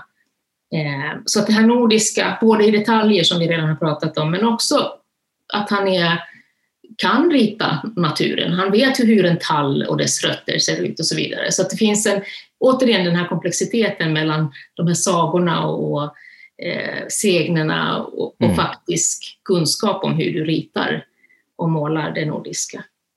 Du eh, har ju ganska garanterat eh, en favoritbild av Bauer, tror jag. Mm. Eh, men eh, finns det, finns det några av hans målningar som du tycker verkligen illustrerar hans konstnärskap och, och berättar mycket om hur han har jobbat med, med sina bilder? Mm. Jag skulle nästan säga att eh, en av Elsa Beskows sagor, den som heter När trollmor skötte kungens storbuk, mm. eh, den kom 1914 och, och där är det ju så mycket som är så typiskt, både för Beskow, som det är en otroligt fint skriven eh, saga, men också Bauer och den här tiden på något vis. Jag tycker att den är fin på flera sätt. Dels så är det, det är en berättelse om en trollfamilj, trollfar och mor och deras son Drulle Eh, och, och, och, det här är en berättelse av hur människorna kommer närmare och närmare trollen och på något vis den här urgamla naturen och tar över helt enkelt. De, de ska ta över deras berg. De, det är nybyggare. Och man skulle kunna läsa hela den här berättelsen som en slags skildring av hur kolonisatörer kommer till en plats och på något vis tar över och mm. trollen mm. drar sig undan mer och mm. mer. Och där har vi då två varianter hos den här familjen. Eh, trollmor och son anpassa sig, låtsas vara människor och, och hon tar arbete som tvätterska. Mm. Eh, lyckas gömma att de, liksom dölja att de, de är troll. Men sen har vi trollfar som är frustrerad och ledsen och förargad. Och det finns ett par bilder av honom där han står, eh, om man ser på kroppsspråket och hur han tittar ut mot betraktaren, en slags aning om en slags undergång. Och jag tycker att de bilderna är fantastiskt fina för att de är så otroligt laddade.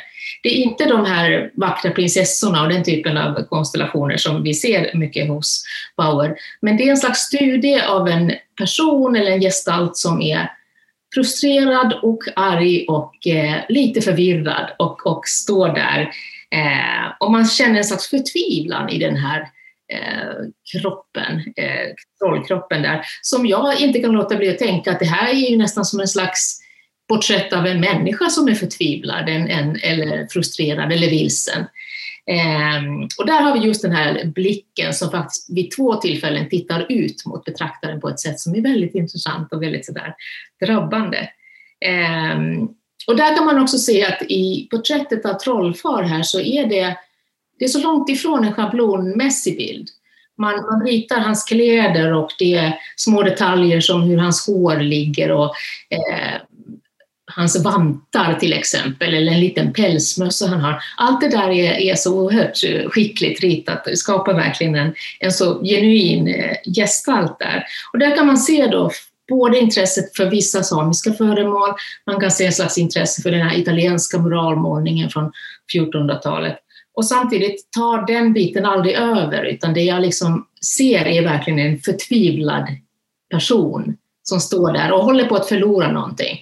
Och det står i texten att de har bott på den här platsen i 3000 år och nu måste de och sen eh, lämna. Och i slutändan så lämnar de ju platsen och drar sig norrut som det står i, i texten. Eh, så jag tycker att det är en, en eh, berättelse som är så otroligt laddad av olika saker. Modernitetsskildring när människorna börjar ta över naturen, en slags vemod över det. Eh, men skildrad då från trollens perspektiv. Eh, den är jättefin. Den tycker jag är en sån där berättelse som förvånade mig och som inte alls är en av de som är mest känd av mm. hans bilder kanske. Ja, det är så fint när man, när man verkligen kan se det här att de har haft ett ordentligt samarbete här och att både mm. sagan alltså berättelsen och hans målning gifter sig så himla bra och det blir en, en helhet av det hela. Mm. Att båda delarna är väldigt fina för sig själv, men att här får de en symbios som, som funkar så mm. himla bra. Verkligen. Och jag tänker mig att det är värt att gå till, jag nämnde även Helena Nyblom som jag tycker är en fantastisk sago, sagoförfattare. Mm. Eh, även hennes karaktärer, karaktärsskildringar av just huldror eller troll eller olika varelser är verkligen superspännande. Det finns väldigt många bottnar där. Så att jag skulle nog eh, uppmuntra att man går faktiskt och läser texten också. Även om man känner igen Bauers bilder så, så tycker jag att de berikar bilden ytterligare när man faktiskt läser dem. Du, du, nämnde ju lite tidigare att det fanns en bild eh, där han illustrerar liksom att, att eh, det verkar ju man förstå att de här varelserna är en del av naturen och det är ju kanske samma bild som jag tänker på, att det är den här, eh, man ser liksom ett stort stenskravel, det är ett jättestort, eh, en stenhög, men att när man tittar närmare så är det små, små, små, små, små, små, små troll överallt, överallt, överallt. Det. det är nästan en grotesk bild lite grann, eh, mm. när man ser bara en massa ansikten. Och den är ju också otroligt intressant och spännande för att det blir sån mm. koppling till att eh, han i viss, i viss mån såg att de här trollen och väsena var en del av naturen på något sätt. Ja, det, det, det, man skulle verkligen kunna göra, tänka ekokritiskt eller göra en sån läsning på detta. Det, jag tycker att det känns som att det är en variant av bergtrollen som, som är de här gigantiska jättevarelserna.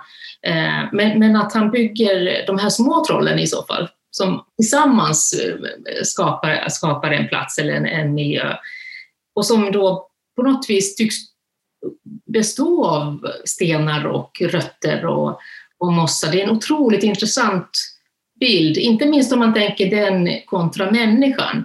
Är det här då ett, är det ett sätt att känna att man inte är delaktig i naturen eller är det tvärtom att man, att man känner att där finns det någonting som man bör vara uppmärksam på. Ja, men precis. Ja, det är oerhört intressant. Jag tror att han jag vet inte, jag bara gissar nu denna gång, men, men det, här, det här intresset han har för naturen. Eh, det finns också många bilder med John Bauer där han poserar eh, i naturen eh, just framför stora stenbumlingar och, och, gamla träd och så vidare. Det är intressant att se hur han, det handlar inte bara om någon slags naturvurm i, i det nationalromantiska, utan jag tror att det finns en, en annan, ett annat intresse för naturen och, och människans på något vis roll i relation till naturen. För att han är ju, undersöker ju också detta med djur och natur, människa, troll hela tiden. Det känns som att det är kopplingar däremellan eh, konstant. Eh, även, även detta med att ibland byter ju människor och troll plats med varandra. Så att det gamla motivet med bortbytingar eller bergtagna eh, människor är ju någonting som han väldigt ofta eh, undersöker. Och bortbytingar är ju spännande för då är det ju att man uppfostrar någon som man tror är ens barn men det är, visar sig vara ett troll eller vice versa. Eh, vilket ju också lyfter den här frågan om det trollet i människan eller hur mycket troll är vi, så att säga. Någonting som han själv eh, lyfte eller, eller diskuterade. Han skickade ett brev till sin fästmö från eh, sin Lapplandsresa 1904 och då skrev han eh, om den situationen och den upplevelsen skrev han ömsom är jag John Bauer, ömsom är jag vagant, ömsom är jag urmänniska, ömsom är jag troll. Så att det finns en sån här intressant undersökning hos honom som på något vis tycks återkomma till frågan om vad är människa och ja, det, det är fascinerande tycker jag.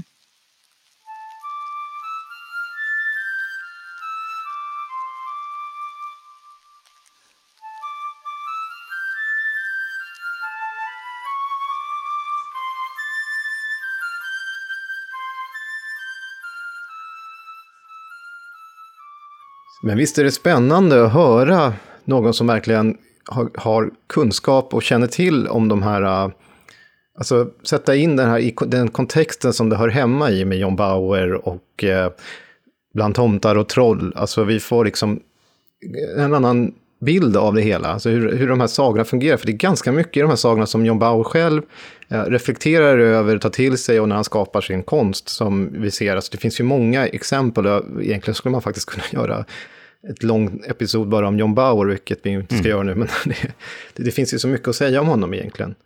Men det var inte alltid han liksom var, eh, kanske, av sin samtid som, all, som inte alltid kanske tänker sig som vi ser på Bauer, utan det var ju inte självklart att man skulle alltså, älska Bauer. Eh, och det var, jag vet även i, i vår tid, Lars, när vi har växt upp så har ju inte Bauer eh, stått högst eh, på listan över kända konstnärer som man ska samla på. Utan mm. man kan ju ibland se Bauer på auktionsverk säljas för, ja, inte billigt, men åtminstone en peng som om man avstår från en begagnad bil så kanske man kan köpa åtminstone en Bauer-tavla. Men så är ju inte fallet om du tar Carl Larsson eller någon av de här riktigt stora, utan då, då pratar vi andra summor. Eller Kittelsen i Norge, för han är ju, hans konst, det var ju nyligen bara här om året som det såldes en, en tavla av honom som den enda som kunde konkurrera i pris på den, det var en naturbild i Edvard Munch, som jag egentligen också skulle kunna prata om här. Han har ju också gjort vampyrer och sånt. Men han är ju den stora norska konstnären, sen är det Kittelsen som kommer där. Och nu håller de ju faktiskt på, det glömde vi säga, men Nationalmuseum i Norge håller ju på just nu renoverar och öppnar upp eh, lokalerna 2022. Och då kommer, tror jag att det är 2022, och då kommer de ha ett eget e-, e-, äventyrsrum, alltså sagorum, som de samlar eh, konstnärer som har illustrerat sådana här sagor och sånt, bland annat Kittelsen, som ju då får en ganska viktig plats i det här rummet av naturliga skäl. Ja, och när man pratar om Bauer så finns ju faktiskt en fantastiskt fin eh, nyproducerad utställning om just John Bauers liv och, och konstverk i eh, Jönköpings läns eh, länsmuseum. Eh, så det kan vi verkligen rekommendera att eh, göra ett besök i.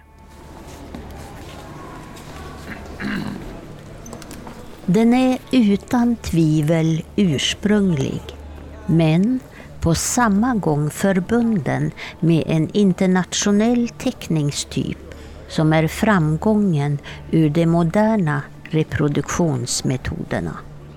Denna illustrationskonst är icke tio år gammal. Dess mest bekanta representant är engelsmannen Rackham som nyligen fått en rival i den elegante Dulac. I motsats till dessa är Bauer mer monokrom och har en kärnfullare, mindre fantastisk stil. Hans troll har denna samma bundenhet i nordisk natur som Werenskjolds. Drömliga och trästubblika och mossbelupna. Någon gång kan man i motivet tänka på Kittelsen som i Jättepojken som sovit i 500 år. Men det hör till undantagen att man tänker på någon annan än Bauer själv.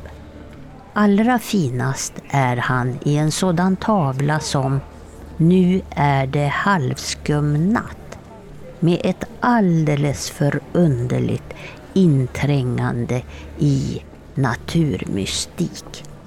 I längden verkar den gråsvarta lavyrtonen tomt enformig och borde oftare kunna livas med färg utan att därför behöva förlora eller förgrovas i reproduktionen.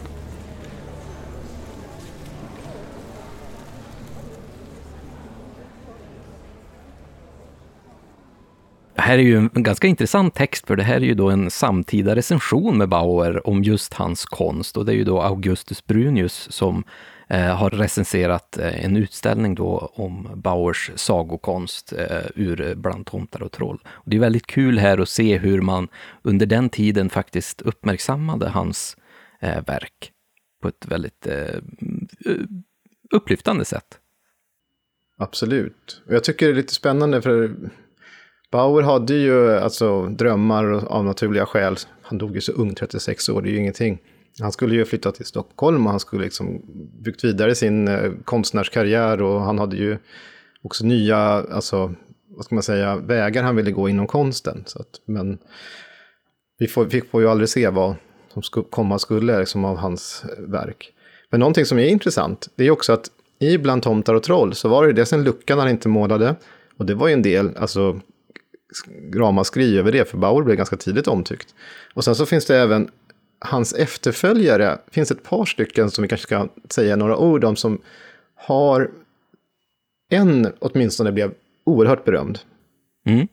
Det är en person som eh, kanske inte många känner namnet på, men många har sett hans verk om inte annat. Vilket är lite speciellt. Ja, han, hans verk är egentligen jättemycket mer berömt än vad John Bauers är. Mm. Och den personen vi pratar om är ju Gustav Tenggren. Mm. Och eh, han är från Västergötland då från början, men han tog ju vid efter John Bauer för att illustrera eh, Bland tomtar och troll. Men ganska tidigt, eller tidigt, han, han flyttade senare till Amerika. Och där blev han alltså konstnärlig ledare så småningom för Disney. Mm. Och nu kanske alla klockor ringer här. Och vilka filmer har då han eh, illustrerat? Eller som han har varit liksom konstnärlig ledare för. Och det är, en, det är en hel radda av några av de mest berömda Disney-filmerna. Och det är bland annat Snövit och de sju dvärgarna, så det är en svensk som ligger bakom liksom konstnärligt ledarskap där. Eh, Pinocchio, eh, Fantasia eh, och Bambi, för att nämna, alltså nämna som han, ett par stycken som han var liksom konstnärlig ledare för. Så det här är ju fyra av Disneys klassiska mest älskade filmer. Ja. Men han, han, det kom ju nyligen, för bara några år sedan, kom det en bok om honom som vi kan skriva om i, i den här bifogade lästipslistan som vi lägger till på Oknytts hemsida. Men den, den är ju fantastisk och han, hans målningar för allt möjligt är ju jättespännande och fina och vackra. Men som du sa här Lars, så han är ju ett namn som väldigt få känner till. Konstigt nog.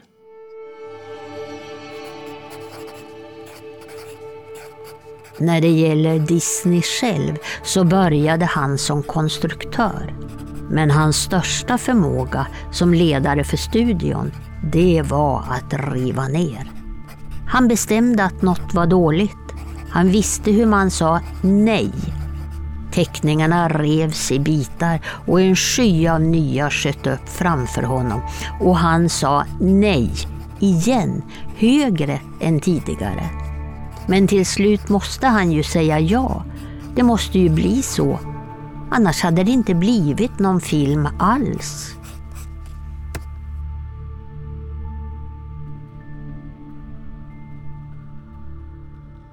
Ja, det vi hörde här, det var ju alltså Gustav Tengrens enda kända kommentar om Walt Disney själv. Så som ni ser så verkar Walt Disney vara ganska hård mot sina, mm. sina medarbetare, så att säga. Eller underhuggare kanske man ska säga på den här tiden. För att han liksom rev sönder och fick göra om, fick göra om. Men å andra sidan så fick vi ju en fantastisk fin slutprodukt i alla dessa filmer som vi kan vara stolta över att Tengren faktiskt har varit en ledande illustratör till. Men vi ändå pratar om Bland tomtar och troll, så är det ju så att det finns ju ytterligare en person som jag tycker är värd att nämna här. Eh, och det är Einar Norelius. Ja, han är född i Falun, han är också från Dalarna då. Men hans, hans konst är väldigt spännande. Han gjorde ju också troll, fast de är väldigt annorlunda tycker jag än Bauers. Det är mycket den här att det är stubbar med näsor och sånt där, så de är verkligen också en del av naturen, men de är väldigt godmodiga och trevliga i stor del av dem. Men Tommy, visst finns även en annan ganska känd konstnär från de norra delarna av det här landet? Jo, det gör vi ju. Som vi pratar om modernare tid, Eh, vi ska snart kasta oss tillbaka lite igen, men det här blir ju eftersom vi pratar om troll, så är det en känd trollkonstnär vi faktiskt inte har nämnt som är förhållandevis då modern. Eh, och han föddes 1930 och dog 2005. Och eh, han var verksam i Sundsvall och hans namn är Rolf Lidberg. Så att eh, han, han gjorde ju, alltså man söker på ett 20-tal trollböcker, alltså det är ju, han var en duktig botanist, så det ser man ju också går igen i alltså hans intresse för naturen och så. Eh, och han, hans konst har ju också blivit mycket av alltså vykortsmotiv med troll. Så att, ja, han har också ganska familjära troll. De lever i små familjer med trollbarn och så vidare. Så det, det, är ju ganska gulligt. Det är, det, är, det är inte Elsa Beskows troll, för de var liksom farligare. Hon var en av de första som gjorde ett farligt troll, om man säger så, också i, här i Sverige. Men, men eh, det, är, det är familjära situationer och det är ganska lättsamt och man kan gärna visa hans troll även för barn. De skulle nog bara uppskatta hans eh, busiga små trollbarn, så att säga. Och det är, det är ju väldigt kul det där, för att, att du nämnde ju där om att eh, Lidberg faktiskt var botanist och han, han var ju väldigt eh, välutbildad dessutom eh, botanist och, och, kunde otroligt mycket om, eh, om, om eh, växter och, och, träd och liknande, för att han, han var utbildad eh, nere i Frankrike, tror jag. Och, och att han, han eh, inkorporerar väldigt mycket av det här med, med naturen i de här trollbilderna. Eh, men som du säger, att där är trollen kanske inte som i, i Bauer och Kittelsens eh, bilder, att de är en del av naturen, utan de är liksom eh, en, en varelse som lever runt naturen istället för som människa och i familjer. Och så kanske man ska tillägga, hans troll är oftast påklädda i någon slags allmogekläder. För det mm. kan jag inte säga mm. om, John Bauers troll eller de andras troll, för de har ju någon mer alltså, naturkläder, om man säger med skinn och, och pälsar och sånt där, och massa smycken. Men Lidbergs kan ju ha en skjorta på sig och, och liksom och annat, så de, de, är, de är väldigt annorlunda. Men det som vi pratar, liksom, jag tänker här om, vi nämnde ju också med vykorten, och många har kanske sett väsen avbildade på vykort i ett helt annat sammanhang. Och då kanske vi ska här, vända över och även ta in en kvinnlig konstnär nu. Vi har ju pratat mest om gubbar i det här avsnittet. Så vi får in en kvinnlig konstnär som har haft oerhört stor betydelse för ett, hur ett väsen tänks ut.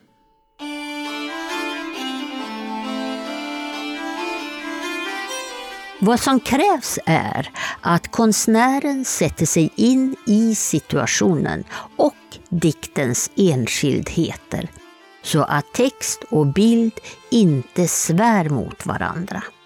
Tomten har skägg och hetta och de verser bör tagas till ämne i vilka diktens grundtanke och andemening uppenbarar sig. Vore jag illustratör och finge själv välja tog jag till ämnet tomten stående utanför ladugårdsdörren tankfullt stirrande på månen. Där har vi även ett vinterlandskap att framställa. Ja, i den här texten så får vi höra då eh, Viktor Rydbergs tankar kring eh, Jenny Nyströms illustrerande av eh, tomtarna. Och vi känner ju kanske igen båda de här namnen, Viktor Rydberg och Jenny Nyström, men vad har de för egentligen eh, samband med varandra här? Ja, den småländska Jenny Nyström var ju som sagt vad som anlitades av eh, för att illustrera Viktors eh, dikt eh, Tomten till Ny Illustrerad Tidning 1881. Han hade en del tankar, han vände sig emot, han, tyckte inte, han var inte helt nöjd. Och den bilden som, som ändå kom med sen, som, som liksom var startskottet för henne, hon var ju väldigt ung här också, hon var ju bara tonåring. Men det var ju en helt annan typ av tomtar än vad vi senare ser. Hon tog sig ju fram dels här, och började illustrera andra saker, och sen, men, men med tiden är hon ju känd just som vykortskonstnärinnan kan man väl säga. Eh, till stor del, det som många har sett, varenda jul så skickas det runt, och även påsk, eh, de som skickar postkort, men så är det ju faktiskt en hel del eh, Jenny Nyström-motiv. Och jag vet inte hur många, hundratals, om det till och med tusentals olika motiv hon har gjort. Men där har hon ju verkligen föreställt sig, och det har förändrats från det här Rydberg som är stränga tomte, eller han är ju ganska godmodigt där, där också, men jämfört med den vi ser senare, de här färgglada med eh, stora skägg och röda toppluvor och går runt i snön och det är väldigt gemytligt och härligt. Så ja, eh, det, det, det är liksom det som vi känner igen henne som. Och om man, om man vill se mer konst av Jenny Nyström, men om man verkligen vill se eh, en utställning, så finns det en permanent utställning på Kalmar läns museum, som, där, där liksom det finns en, en permanent Jenny Nyström-utställning, som med rätta eh, man kan gå och se. Och det som är intressant med, med Jennys eh, illustration här av tomten är ju att eh, hon är väl lite grann, kanske som Bauer, att eh, hon har gett den här eh, mer moderna bilden av just hur tomten ser ut och att tomten här blir väldigt förknippad med julen och julfirande och julklappar och det här gemytliga. Och det är också det här väldigt intressanta att de här två eh, konstnärerna Bauer och, och Nyström kunde ha en sån inverkan på oss som befolkning, eh, som, som ser på, på folktraditionen och folktron och det här, de här folktroväsenen. Eh, och att det blir en, en nästan en samhällsbild eh, över hur man faktiskt uppfattar de här tomtarna och trollen.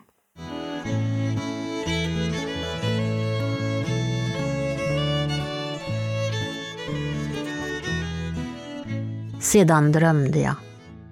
Blott om det underbara landet från vilken varje kväll solen sände sina gyllene strålar över land och hav. Jag drömde om dagen och mitt guldland. Jag drömde att jag på solstrålarna for rakt in i solen.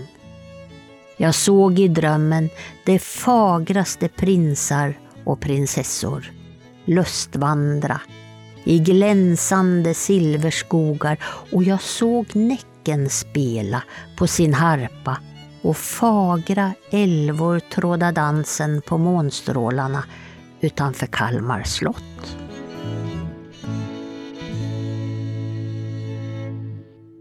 Det här var ju ett brev från Jenny Nyström själv, där man kan få en, en, en inblick i hur hon faktiskt såg på de här sagorna och, och den här fantasifulla eh, världen som faktiskt eh, florerade i hennes eh, avbildningar av tomten och, och de olika väsen. Fram tills nu så har vi ju rört oss väldigt mycket i historisk tid och, och tittat på de konstnärer och illustratörer som har levat före oss och varit eh, liksom föregångare till, till dagens populärkultur. För i populärkulturen kan vi ju verkligen se att kanske de här folktroväsenen och, och de här traditionerna och folktron får en liten revival, kan man ju säga. Bara på de senaste åren har det ju blivit otroligt populärt och vi kan ju även se det i den populärkultur vi har, att det är både inom serietidningar, inom, inom konsten och inom eh, film och tv och liknande. Jo, precis, och det här ser man ju, jag tänker på en film som jag själv är helt stormförtjust i, det var den här Trolljägaren, den norska filmen. Och det är ju en eh, slags konspirationsteori som är lite skämtsamt med glimten i ögat, men det är ju som en, en gubbe som sägs då uh, dokumentera troll och så är det filmat som dokumentationsfilm, en dokumentär. Och sen är det liksom ett, studenter som kommer och besöker honom. Och sen visar det sig att norska regeringen har liksom mörkat att det finns troll på riktigt. Och, och då ser man i den här filmen, men de trollen som man ser är ju uppenbart hämtade från Theodor Kittelsen. Så att man ser ju den här äh, kopplingen direkt, att man fortsätter. Men en, en konstnär idag på många sätt fortsätter ju utveckla. Man ser ju att det var arvet kommer ifrån, man har, och så har ju alla konstnärer gjort i alla tider. Men, och vi har, det är jättemånga som vi inte har nämnt i det här avsnittet som har varit ganska kända en gång i tiden. Men som sagt, vi kan ju inte göra hur långa avsnitt som helst. Men någonting som jag kommer ihåg när jag växte upp, som jag var intresserad av, jag spelade, jag spelade en del rollspel när jag var yngre, alltså gick i mellanstadiet och högstadiet och gymnasiet. Och eh, då spelade jag bland annat Svenska Drakar och Demoner, som gavs ut av Äventyrsspel. Och där fanns det en konstnär som heter Nils Gulliksson, eh, som gjorde alltså Monsterboken, eller båda monsterböckerna var två, om jag ihåg när jag var liten. Och de, de teckningarna var helt fantastiska, och, det form, och de här bygger till stor del på alltså, hans eh, tolkningar av eh, väsen och varelser från, och, från runt om i världen. Men de, hans troll var väldigt speciella. Och, det fanns ju även sådana som Dungeons and Dragons och sånt som hade sina tolkningar exempelvis av trollen som ser helt annorlunda ut än Kittelsens och Bowers troll. De är stora, långa, smala, gröna med stora, långa näsor och kutryggiga och sådär. Och långa armar. Så de, de är annorlunda, men det lever kvar också i populärkulturen. Så alla de här samsas och sen så har du ju också en del i dataspel som kommer in. Alltså som också avbildar väsen. Alltså både som du kan spela själv i vissa spel, och, men framförallt som du möter. Så det är ju en slags fantasy-sagomiljöer eh, som ju såklart har påverkat eh, populärkulturen idag. Men kanske den som också har en, en, en fot i, i rollspelsvärlden och en i dataspelsvärlden och som kanske idag är den, en av de mest berömda i modern tid eh, illustratörerna av eh, väsen är ju såklart Johan Egerkrans. Och ska vi ta och lyssna lite på vad han har att säga?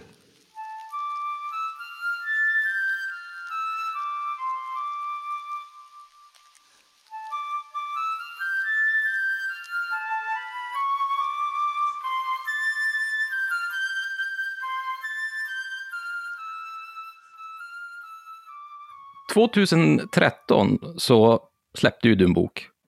Ja. Vad i hela friden var det för bok? Det, det, det, det ska du bli varse. Nej, men det var Nordiska väsen, heter den, helt kort och gott. Jag har ju valt att ha ganska självförklarande och ofyndiga titlar på mina böcker. Det, det är apropå då rollspelen som vi pratade om tidigare. Det är ju som en monsterbok, fast utan grundegenskaper. Vilket är roligt nu när det har blivit rollspel av den boken också. Så det, liksom har, det har gått en cirkel. Liksom. Runt. Mm.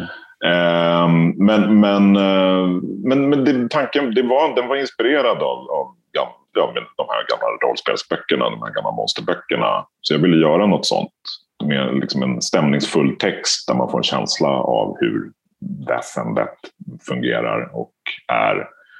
Och en stämningsfull illustration. Och sen vill vi göra ganska fint och påkostat och förlaget var, trodde på boken så de, de orkade lägga, eller de vågade satsa krut på att verkligen ha fint papper och tygbindning och liksom läsband och hela den där grejen. Så det verkligen känns som en lyxig bok. Men, men inspirationen var väl ja, dels då Ebbe Schön som vi redan varit inne på. Eh, den, den enorma liksom, kulturgärning han har gjort och, och de ja, och liksom skildra de sägnerna som man växte upp med. Men, men, den, men inspiration, liksom formatmässigt så var inspirationen väldigt mycket en bok av Alan Lee och Brian Froud som heter mm. Fairies som kom mm. på 70-talet. Som handlar om, om brittisk folktro och ja, älvor då. Men där är ju allting fey eller fairies. Så det inkluderar ju jättar och allt möjligt annat. Eh, som är en oerhört vacker illustrerad bok med, med väldigt fyndig text, som, men som är extremt väl researchad och baserad på, på brittisk folklore. Eh, så jag ville göra något i den stilen. Så det, det är lite som en svensk portning av fairies. Eh, och så gjorde jag den helt enkelt. Bara efter att min, efter, nej, men det var, det, var min, det var min förläggare som som ville att jag skulle göra en egen bok. Eh, för jag hade, mest, jag hade jobbat som illustratör då i 15 år, eller 20 år redan då. Ja, vad hade du jobbat med innan? Nej, jag jobbade som illustratör. Jag, jag började som konceptillustratör för rollspel och dataspel när jag var ja, 18, där någonstans. Och sen pluggade jag och då jobbade jag lite halvtid med, med att göra konceptart för, för dataspel. Och sen var det det jag gjorde ganska länge. Tills det företaget gick i konkurs och då blev jag liksom frilansare och då breddade jag mig. Så då gjorde jag massa jag fortsatte göra konceptart för olika dataspel, men jag gjorde mycket storyboards och sånt för film och reklamfilm. Men jag började också göra illustrationer för, för böcker och gav ut, jag, min gamla chef då, Stefan, gav, Stefan Ljungqvist gav ut en bok, en barnbok som hette Taggtrådstim, som blev upplockad av förlaget Richters som numera är insomnat eller liksom, ja, genom massa olika uppköp och uppslagningar och sånt där så blev det Wahlströms. Eh, och det har liksom varit mitt hemförlag sedan dess. Så, så den kom ut 2005 tror jag. Och den fick ganska, folk gillade den. Och framförallt folk i branschen gillade den. Så den, den gjorde att jag fick ganska mycket uppdrag som, som tecknare och illustratör. Men, men min förläggare Maja tyckte att jag kunde skriva också, eller borde skriva. I alla fall borde försöka skriva. Eh, och så pratade vi lite om vad jag skulle göra och jag var inte så sugen på att göra en Harry Potter-klon som väl var det självklara valet att göra då. Eh, men jag kände att jag inte riktigt, det var inte riktigt min grej. Utan jag ville nog skriva någonting som var mer faktabaserat. Och så började vi prata om fairies och så började vi prata om ja, nordiska gudar kom upp på tapeten också. Men, men det kändes som en lite mastig grej att göra som första projekt. Eh, och så då kom vi på men, troll och tomtar och det göra en faktabok om det. Ja, men det kan, kan ju bli rätt fint. och så gjorde, vi, så gjorde jag den. Mm. Den blev ju otroligt populär. Varför tror du att just Nordiska väsen var så populärt? Och den är ju fortfarande väldigt populär. Den kom i en tidpunkt där man började vara intresserad. Man började intressera sig. Folktro hade nog varit dött och töntigt ganska länge. Det finns ju en anledning att er podd kommer nu. Eh, och det, det har liksom inte varit så, eller, eller den podden jag gjorde, Mytologier, det har inte varit så inne under det liksom ironiska 90-talet och tidiga 2000-talet. Så det var liksom inte så fräscht på något sätt. Man vill, man vill vara lite cool och edgy och sådär. Um, och så hade, men, men jag tror det var någonting som hände där, att man hade gjort slut. Man hade gjort alla filmer och böcker man kunde tänka sig om vampyrer och varulvar och mumier. Uh, och då började det kännas lite mossigt och gjort.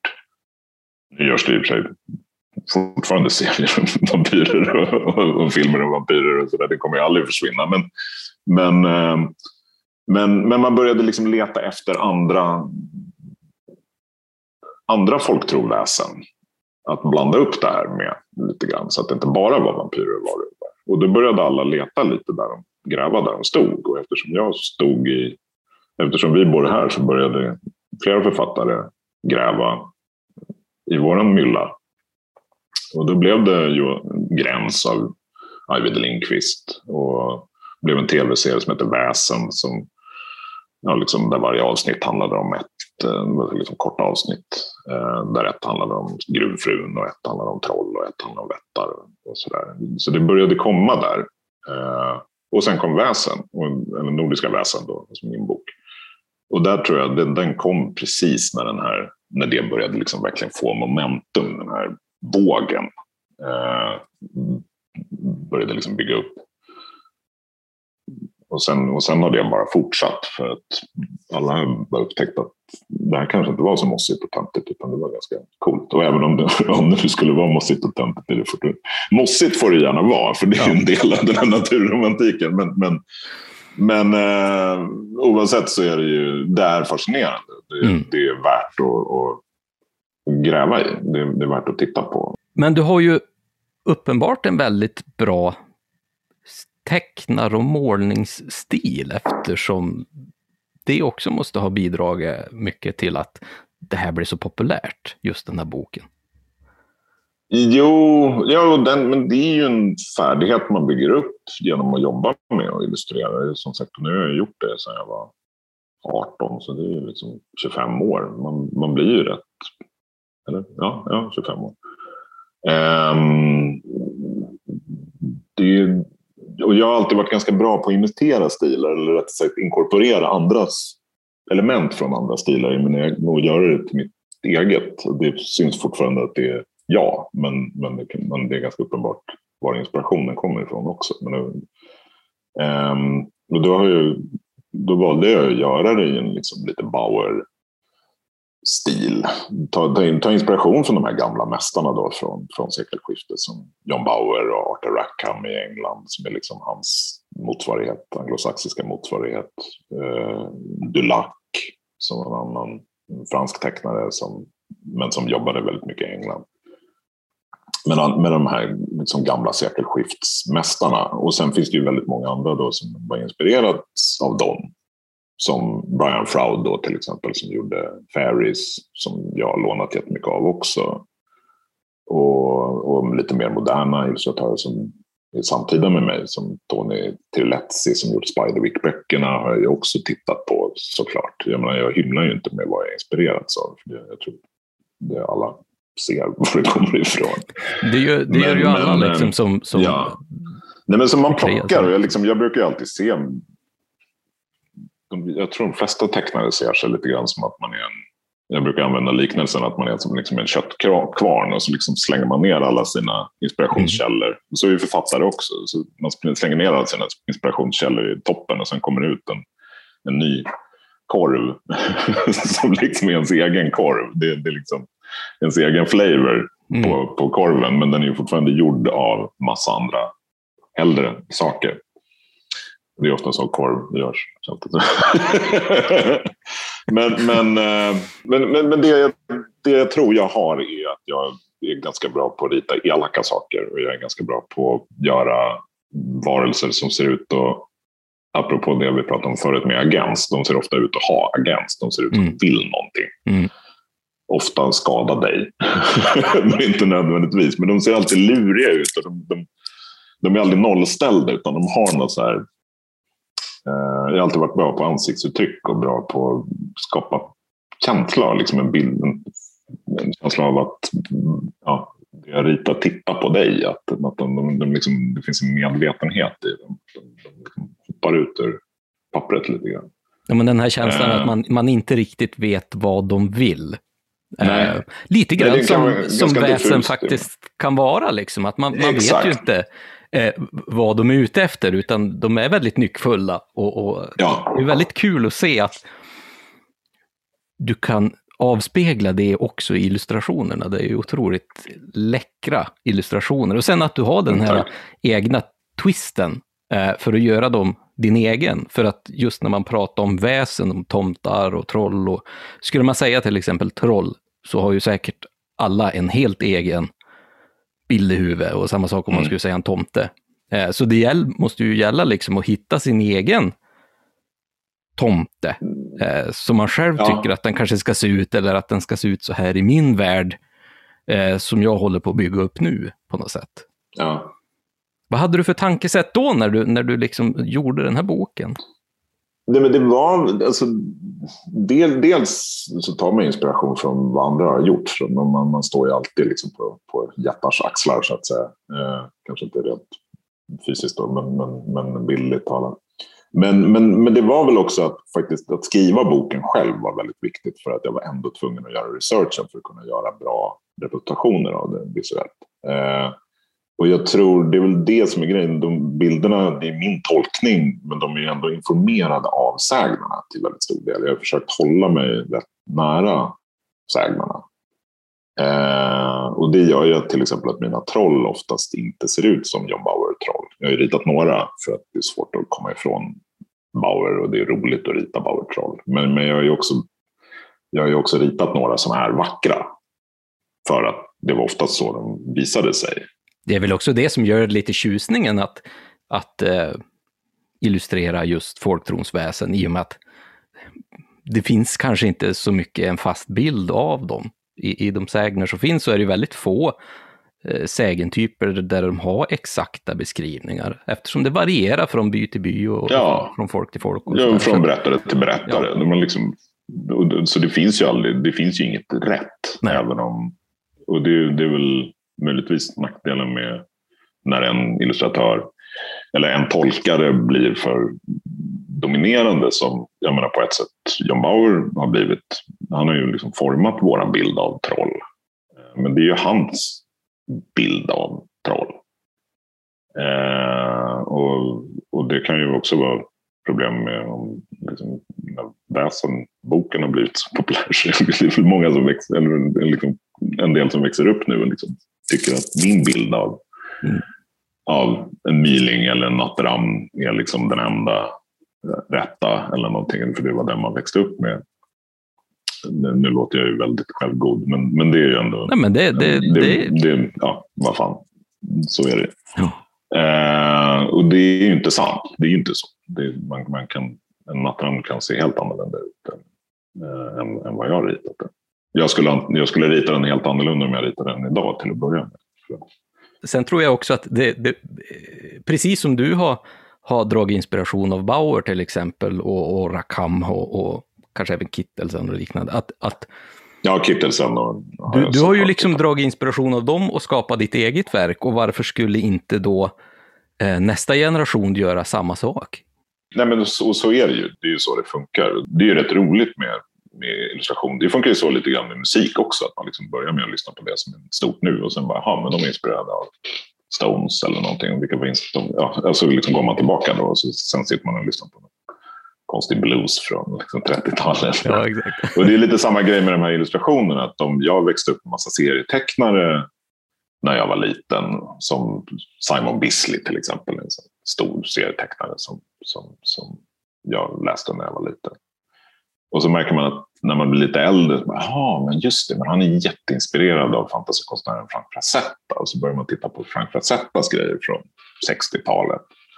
Men Frazetta var jätteinspirerad av N.C. Wyeth som var verksam på 20-30-talet. Och N.C. Wyeth var inspirerad av Howard Pyle. Som, som, och så liksom håller på sådär. Och så backar man och till slut sitter man ju där och tittar på Albertus Pictor. Liksom.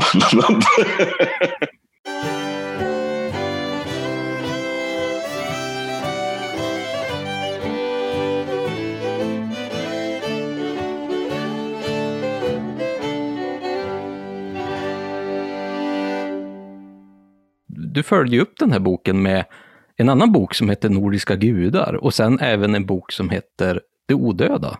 ja, Va, vi var va, inne på dem. ja, vad va, vad gjorde att du gick in på mytspåret nu då efter? Var det en naturlig liksom steg eh, när du hade gjort den här om väsen? Ja, det var nog väldigt naturligt. Jag tror framför allt eftersom, jag tror jag nämnde det innan, men, men den första idén var att göra nordiska gudar. För, för jag tror de nordiska gudasagorna alltid, de låg mig närmare hjärtat än, än folktron. Faktiskt. Eh, för de har varit med mig sedan barnsben, sedan jag var liten. Verkligen. Eh, men det kändes övermäktigt att göra, att tolka Snorre på, som, som ens första bok. Jag, alltså liksom, jag hade ju inte skrivit någonting innan och jag hade inte gjort den sortens bautaprojekt som det här ändå är och, och, och göra. Nordiska väsen är ju ganska mycket kortare ändå, eller i alla fall 30-40 sidor kortare än Nordiska gudar och Nordiska gudar behöver den här. Liksom, det, är- det är en rätt rejäl bok. Det tog ett, tre år att skriva tror jag. Och, och det är jättemycket illustrationer och det är massa illustrationer jag hade velat göra men helt enkelt inte hann. Och, Eh, men men, men det, den var, det var ett ångestladdat projekt på ett helt annat sätt. Eh, så jag tror det var, en väldigt, det var bra att jag gjorde väsen först. För, för att den, den var lättare att bara, bara ta katten och köra på något sätt. Men om, om vi ska prata om potentiellt andra tunga böcker, har du ju faktiskt illustrerat eh, en bok som, på tal om det här med att eh, gå över generationer, eh, Astrid Mm. Lindgrens Mio min Mio har du ju illustrerat till eh, Ja. nyutgåvan. Det måste ju vara ett väldigt spännande projekt. Ja, den kom ut i höstas. Det var, nej, det var jättestort. Det har varit på gång några år. Eh, men jag gjorde i princip hela boken förra året. Mm. Eh, men, men det var inte så himla farligt. Men jag tror det var, det, det var ett jäkligt roligt projekt. Och- jag fick så tydliga bilder. Jag hade redan fått så tydligt. Jag, fick, jag kom ihåg de bilderna jag fick i huvudet när jag var liten. Um, så det var, det, det var inte särskilt jobbigt att göra den. För det, det, jag visste precis vad jag skulle göra rätt tidigt. Annars hade jag ju kunnat tänka mig att det kunde ha varit svårt i och med att just det här med att du hade bilder från barndomen och att du är säkert inte ensam om det heller. Nej, Eh, och, men då kanske det är då så att det gäller att du, du måste göra något eget istället för att göra något som motsvarar allas förväntningar och deras eh, bilder som de har fått som barn. För det är ju ändå en värld som har blivit berättad. Tol, tolkad och... år, liksom. Jo, jo det, det är det. Jag, jag tror fördelen var att när jag läste den, som, eller rätt sagt, jag läste den inte när jag var liten, utan jag fick den berättad, jag fick den högläst för mig. Så jag, Mm. jag såg inte Ilons illustrationer så mycket, jag, jag har bara sett omslaget. Eh, sen har jag ju sett illustrationerna senare, men första gången jag läste den, så fick jag den, eller liksom hörde den, så, så fick jag den bara uppläst för mig. Så jag fick skapa de där bilderna själv. Så det gjorde att jag hade det fanns en separation mellan Nilons bilder och, och texten för mig. Vilket på ett sätt gjorde det lättare att, att, att tolka texten efter eget huvud på något, på något märkligt sätt. Men sen tror jag en, en annan del, apropå då tunga böcker man gör tolkningar av. Jag hade ju något år innan Mio så gjorde jag ju omslag till Tolkien. Eh, för de nya svenska utgåvorna. Mm. Det var tungt. så jag hade liksom redan varit igenom en sån där total skaparångestprocess med, Jaha. med, med Tolkien-omslagen. Så när, när, när väl turen kom till Mio så var det liksom... Då hade jag redan bearbetat den sortens känslor så himla Mm. mycket. Så det, det var inte så... Jag hade, jag hade liksom slut på prestationsångest på något Mm. sätt. Utan jag bara gjorde det. Det känns också som Mio-fans inte lika elaka som Tolkien-fans. Om det blir fel. Ja, men sen kan jag tänka mig att To- Tolkien är ju också en eh, verk som har blivit illustrerad väldigt mycket. Du nämnde ju tidigare här Ja, ja, Alan men Lee till exakt. exempel, Ja, ja, som har ja. illustrerat otroligt mycket Mm. eh, ur Tolkiens böcker. Liksom. Ja, Så ja. det finns ju en förlaga som man Ja, ändå... som man måste förhålla sig till Ja. på något sätt. Exakt. Och, och filmerna och, och Ja. liksom sådär. Det, det, det, det var... Ja, nej, men med Mio så fanns det ju egentligen ba- bara, eh, och då menar jag inte det på något nedlåtande sätt, men det, det, det var ju mest Ilons illustrationer Mm. som jag behövde förhålla mig till. Eh, och, och då var det ju mest så här, men jag försöker göra något annat. Och, men, men min approach till själva den boken var ju att eh, den är ju gjord i en lite 50-talsstil, lite inspirerad av Disney-filmer från 50-talet. Som, Mm. som Törnrosa till exempel. Ehm, så, så det, det, och, och Tove Jansson har jag tagit rätt mycket inspiration också.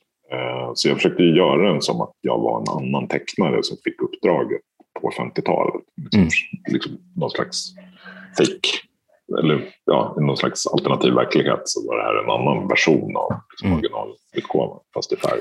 Det måste ju vara väldigt roligt att gå in i den typen av tankesätt, att du går in i den här rollen. Eh, för att få Ja, en det blir ju ett sätt att stil, distansera liksom. sig också, Mm. eh, såklart.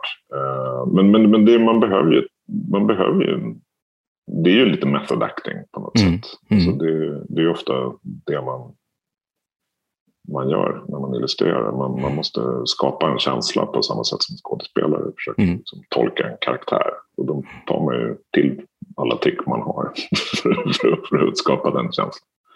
Men du Johan, du är ju uppe just nu i ett annat bokprojekt där du får kanske gå tillbaka lite grann till monster och, och just de här varelserna som är lite mer kanske skräckinjagande. Vad vad är det för typ av bok? Jo, jag håller på, apropå rollspel, så är Drakar och Demoner så är det den första halvan av det. Eh, så det är drakar. Och så apropå då att vi, jag har ganska enkla titlar på mina böcker så kommer den heta Drakar också. Ja, det är en drakbok helt enkelt. Om, om massa olika sorters drakar. Jag har valt att begränsa mig, så jag gör inte riktigt samma grej som jag gjorde i Det odöda, att jag kör hela världen, utan jag fokar på, eh, på västerländska och österländska drakar. Eh, som känns som de två dominerande drakkulturerna. Eh, lite av anledningen till att det finns ju drakliknande varelser i andra kulturer, men, men de kallar dem ju inte drakar själva på riktigt på det sättet och då känns det lite kolonialt. Att liksom bara, ja men det där är en drake. Ja, fast det är ju vår fjädergud som råkar se ut som en orm. men, det, där, det, det är knepigt det där. Men, men, eh, men det är också lite av platsskäl. Det blir så himla myllrande mm. annars. Uh, så, så jag fokar på ja, liksom de drakarna som de kommer väl i Mellanöstern och sen så blir det den europeiska elaka draken kan man säga. Uh, och den mer godartade österländska draken. De flesta monsterillustratörer eh, gillar men, väl att rita drakar? Liksom. Ja, jo, men det, det gör man ju. nej, men det, det, nej, men det är väldigt roligt. Den här, den här, den här boken drar också ut lite på... på jag har liksom snart passerat min deadline, men, men, men, den kommer bli klar i höst. Den kommer ut i höst. Men, men den här har också svält, liksom. men det är ju för att det är så himla roligt att skriva om, inte för att jag är trött eller någonting. Utan, Eh, det, det, kombinerar ju verkligen det bästa jag vet också. Det är ju, det är ju folktro och mytologi och att rita stora arga reptiler. Liksom. Som, jag har gjort fyra dinosaurieböcker också. Så det här är ju verkligen det är ju det roligaste jag kan tänka mig. Jag älskar, älskar att rita drakar. Det är väldigt, väldigt roligt att, att sitta och latcha med deras anatomi och labba om ja, liksom, ska de ha två armar eller tre, eller inte tre, men, men just det där, ska det vara så fyrbenta drakar med vingar på ryggen eller ska det vara tvåbenta drakar med, mm. som har mer samma anatomi som en fladdermus? Eh, ska de ha horn? Ska de ha liksom, hur man kan ta inspiration från olika utdöda djur eller levande djur och inkorporera dem, mixa ihop dem. Mm.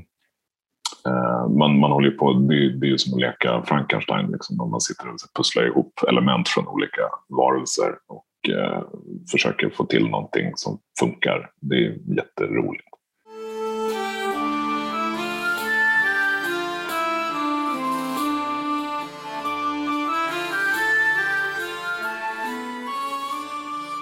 Det är jättespännande att höra Johan, hur han har liksom börjat teckna han inspireras av och det är liksom som de tidigare konstnärerna, att man söker sig bakåt och desto äldre man blir, som man säger här, så desto mera inspirationskällor får man. Alltså man, mm. man söker sig historiskt bakåt. Och hans nordiska väsen har ju, den har ju fått en ganska stor betydelse, för att många yngre har ju växt upp med den nu.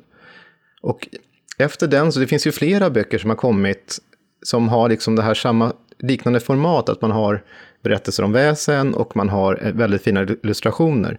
Jag tänker särskilt på då en serie som heter Väsenologi av eh, Ingela Korsell. Och det här skrev hon, hon gjorde den här tillsammans med Reine Rosenberg, heter den konstnären från, från Uppsala. Och det är ju fantastiska illustrationer också, och då får man så här små faktatexter. Och det, det, är två böcker ute nu och det kommer en tredje här i höst som jag själv har varit med och faktagranskat. Men den, den, de är ju också ytterligare tecken på allt det här. Och när vi ändå pratar om Ingela Korsell kanske man ska nämna ytterligare en sak här. Hon skrev ju någonting som var oerhört eh, populärt bland ungdomar. Det är ju de här Pax-böckerna. Och de skrev hon ihop med en som heter Åsa Larsson, men då har de ju också en serietecknare, och en illustratör som heter Henrik Jonsson, som också har tecknat alltså olika väsen i, i den här Pax-böckerna. Eh, eh Så det är ytterligare ett tecken på populariteten i, idag. Och eh, jag tror inte att vi har sett ett slut på det här. Man kan ju tänka sig väsen på olika sätt. Eh, och det finns ytterligare en, eh, som jag tycker är lite så här gullig figur, eller den är ju gullig. Det är ju en bok som har getts ut i, som har med Storsjödjuret att göra, från Östersund. Och det är ju, är ju den här lilla Storsjödjuret som heter Birger, som då skrevs av Sara Strömberg och Anders Nilsson. Och det är flera böcker.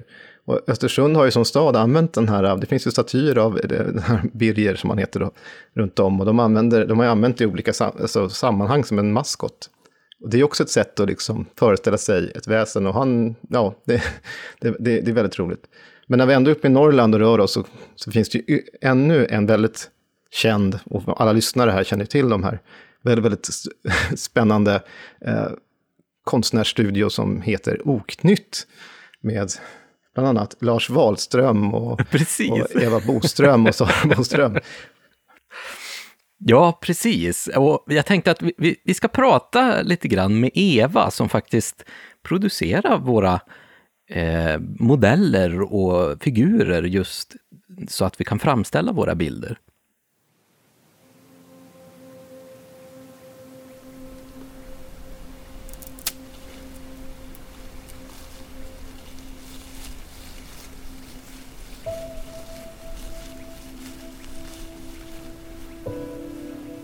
Tror du hon kan se den där?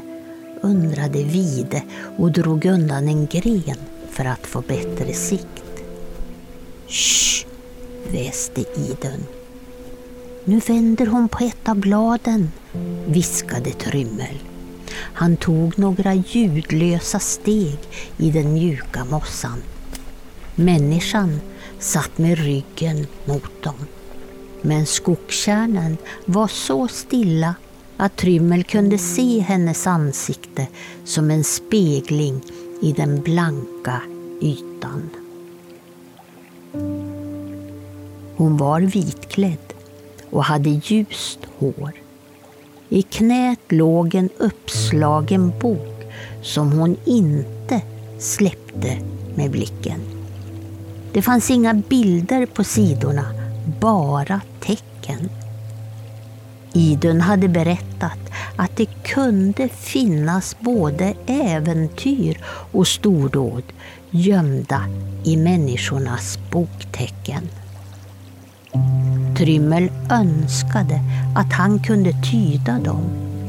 Trollrunor fungerade annorlunda. De var magiska och användes inte i onödan. Inte för skrifter och absolut inte för sagor.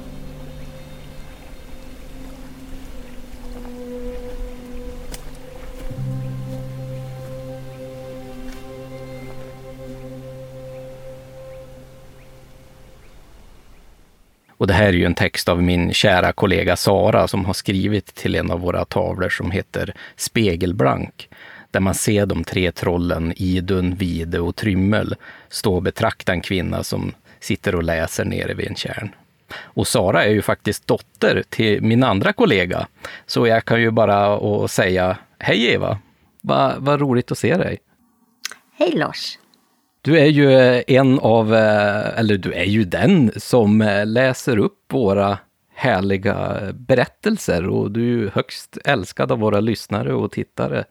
Eh, för att du är så otroligt duktig på att berätta och läsa de här sagorna med sån otrolig inlevelse. Men du är ju egentligen inte, inte bara våran inläsare, du är ju faktiskt modellskapare nu också. Är det ju faktiskt. Och det börjar ju lite så i och med vårt gemensamma lilla fotoprojekt, eller konstprojekt kanske man kan säga, som är då mm. Och vi gör ju liksom tavlor och bilder med inspiration av nordisk folktro och vi illustrerar ju då olika skeenden i den, den folktro vi har och de folktroväsen vi har.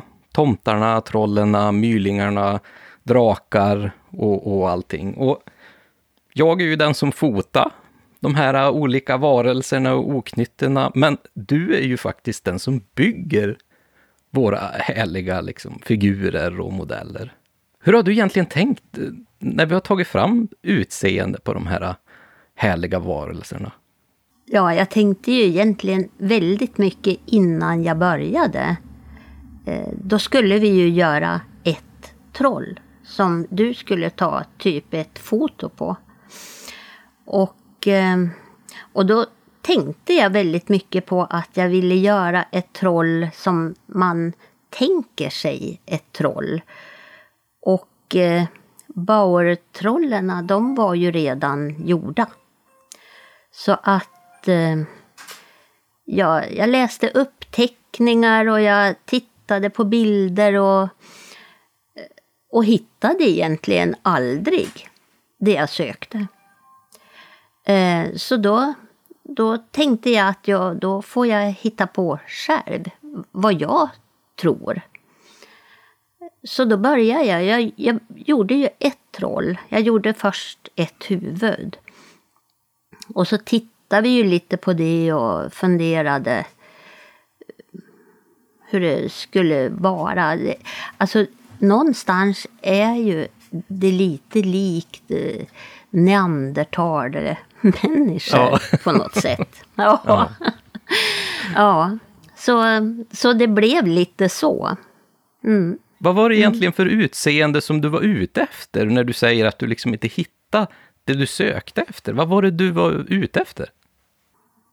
Ja, alltså i uppteckningarna så sökte jag ju efter eh, liksom att någon kunde säga hur man tänkte sig troll. Mm. Men att Eh, det gick inte att utläsa.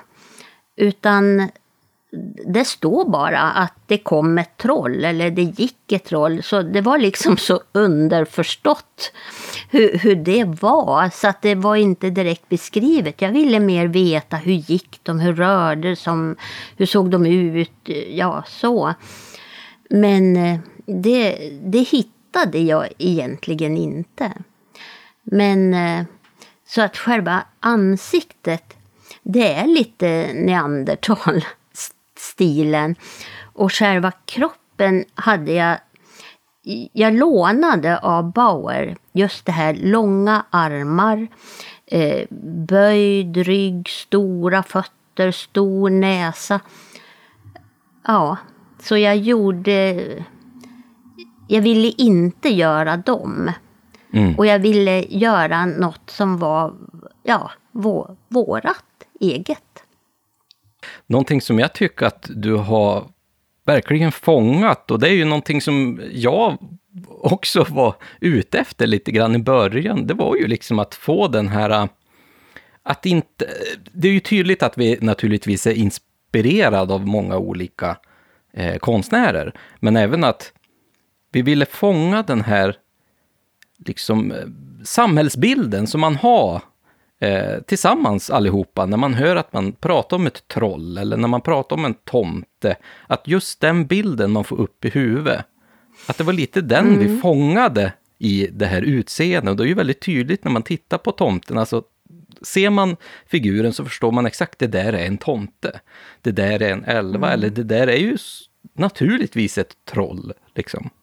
Och det tycker jag du har fångat mm. på ett så otroligt bra sätt. Samtidigt som det blir så tydligt när vi fotar dem också i de miljöer som vi har, att de passar verkligen in i naturen. De, är, de blir liksom en del av naturen i och med det utseende du har, hur du har klätt de här figurerna och, och den färgsättning du har använt i, i målning och vidare.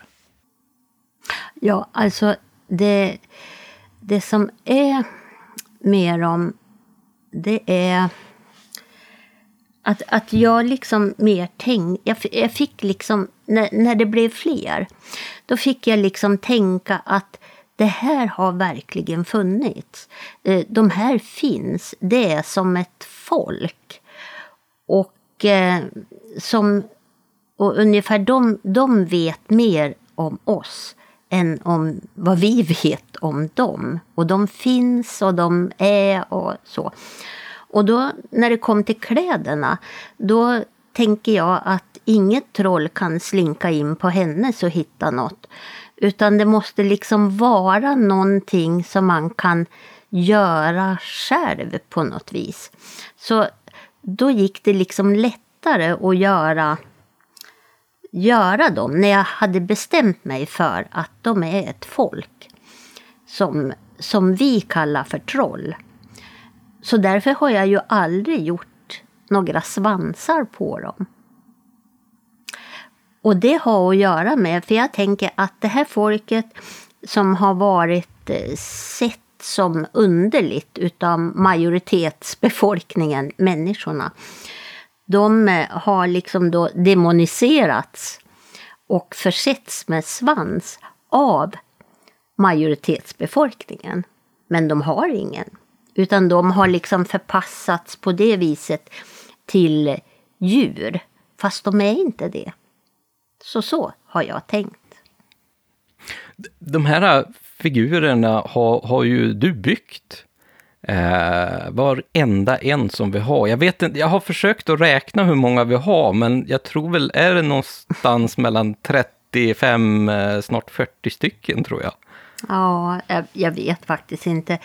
Det, det som skulle bli ett troll till en bild, typ. Det har ju farit iväg och blivit väldigt många. För jag tror att första året, då gjorde vi ju troll.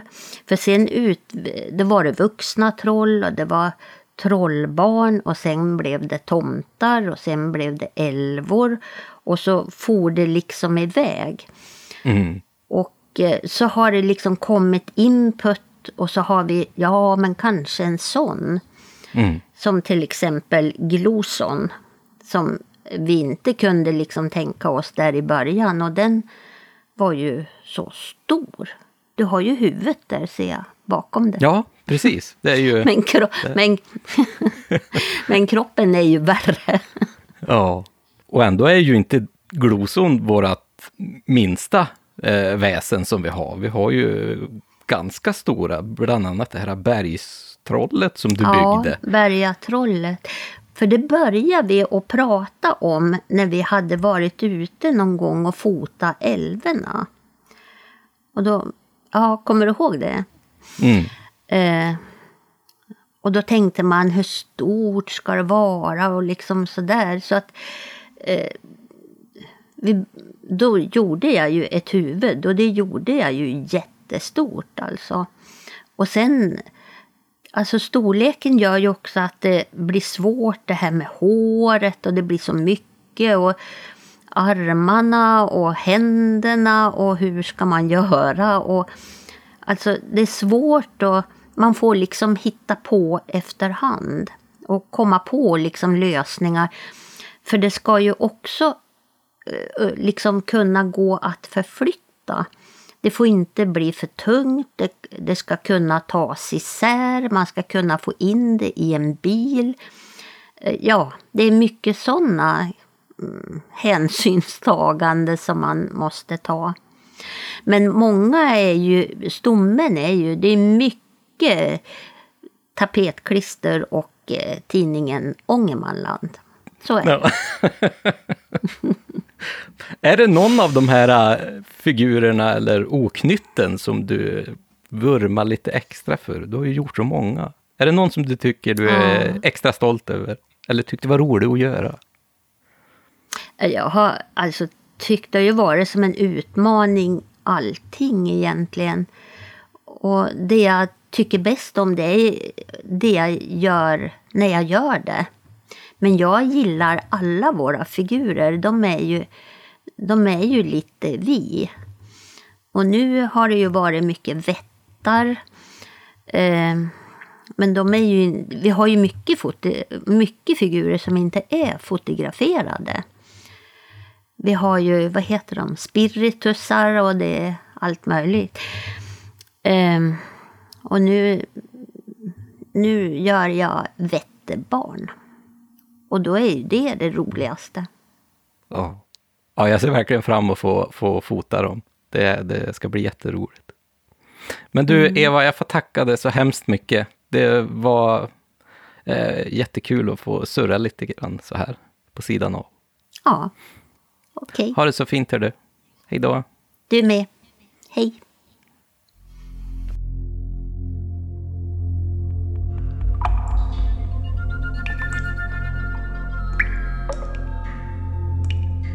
När ljuset från facklan klättrade över stensalens väggar hörde han sig själv dra efter andan. Skatten var enorm. Större än han hade föreställt sig. Högarna av silvermynt, kristallglas och guldkantat porslin glittrade skönare än morgondag. Han tog några steg framåt.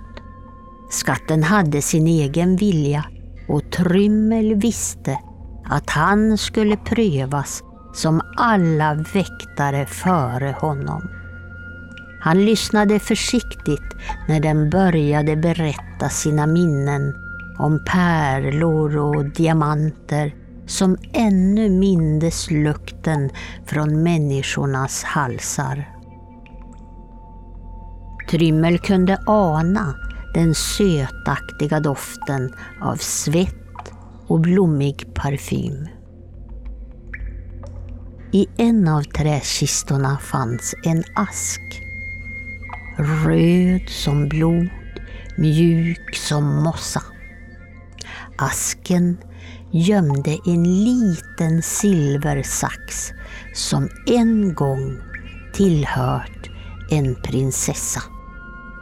Det sägs att hon älskade ett troll så innerligt och sant att hon lämnade sitt slott för att leva med hans släkte.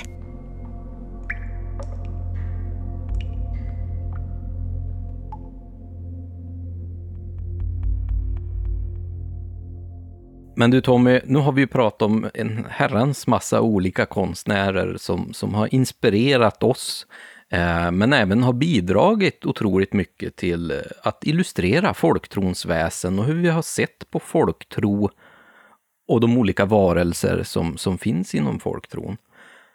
Men hur tycker du att de här eh, illustrationerna och konstverken har påverkat din syn på folktron och, och, och, dess väsen, i och med att du, du själv jobbar inom ämnet och forskar även inom, inom folktro?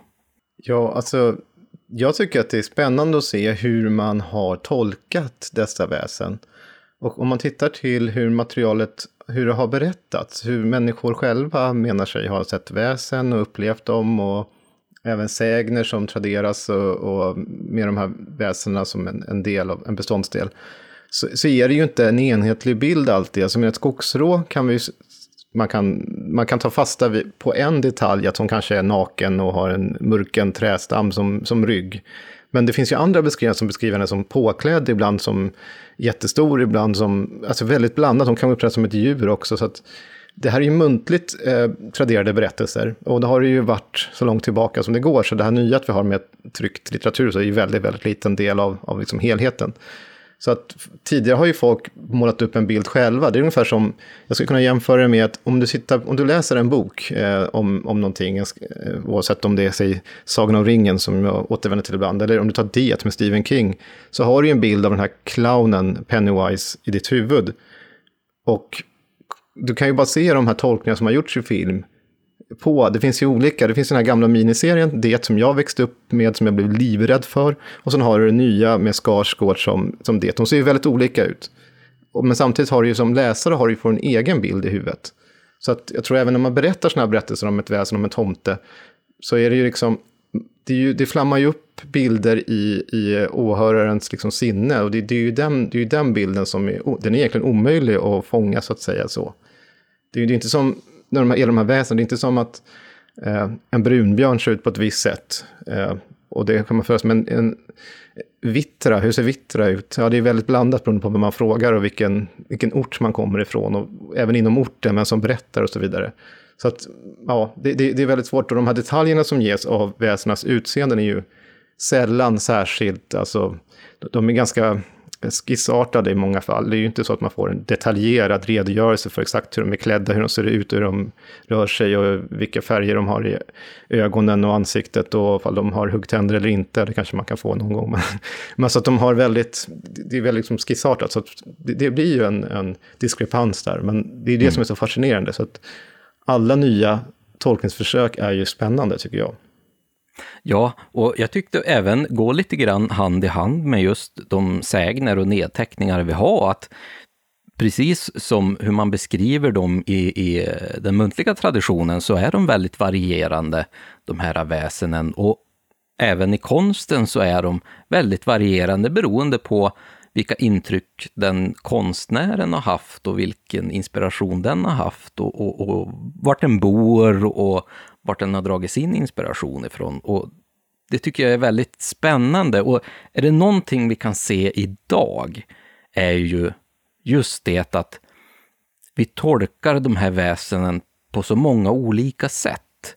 Det är ju bara att vi går till Instagram till exempel, som är en plattform där man lägger ut bilder och där vi har ett stort nätverk eh, med många konstnärer som bidrar med fantastiska bilder och otroligt härliga illustrationer över folktro, eh, inspirerade bilder och även kanske ibland många väsen och liknande. Och vi ser ju bara i den här podden som vi har, där våra följare bidrar med helt otroliga bilder eh, till våra avsnitt som vi kan visa i vår videopodd på Facebook och på Youtube. Och det är alltid så kul att få se vilken otrolig skicklighet och kunskap och framförallt intresse för det här ämnet som det finns och att man då kan uttrycka sig genom, genom konsten är ju fantastiskt.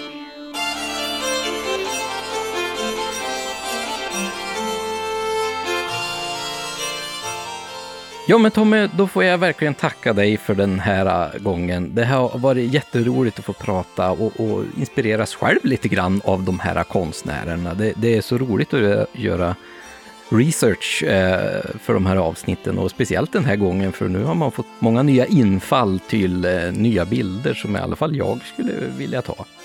Eh, så det här var ju jätteroligt. Och kom ihåg att följa oss på Instagram och på Facebook där vi heter eh, Oknytt Sverige. Och Tommy heter ju som vanligt Suttungsbro på Instagram. Och gå gärna med i våran eh, Facebookgrupp när man talar om trollen eftersnack, där vi lägger ut lite bonusmaterial lite nu och då och vi pratar om avsnitten och där ni ger oss feedback på de här eh, avsnitten så att vi hela tiden kan bli bara bättre och att vi kan göra ett en, en produktion som eh, ni tycker om att eh, lyssna på. Så jag får tacka så väldigt mycket Tommy eh, för den här gången, så får vi höras i nästa avsnitt. Ha det fint! Podden är producerad av Oknytt, Nordisk folktro och mytologi och intromusiken är komponerad av Mark Jungerman.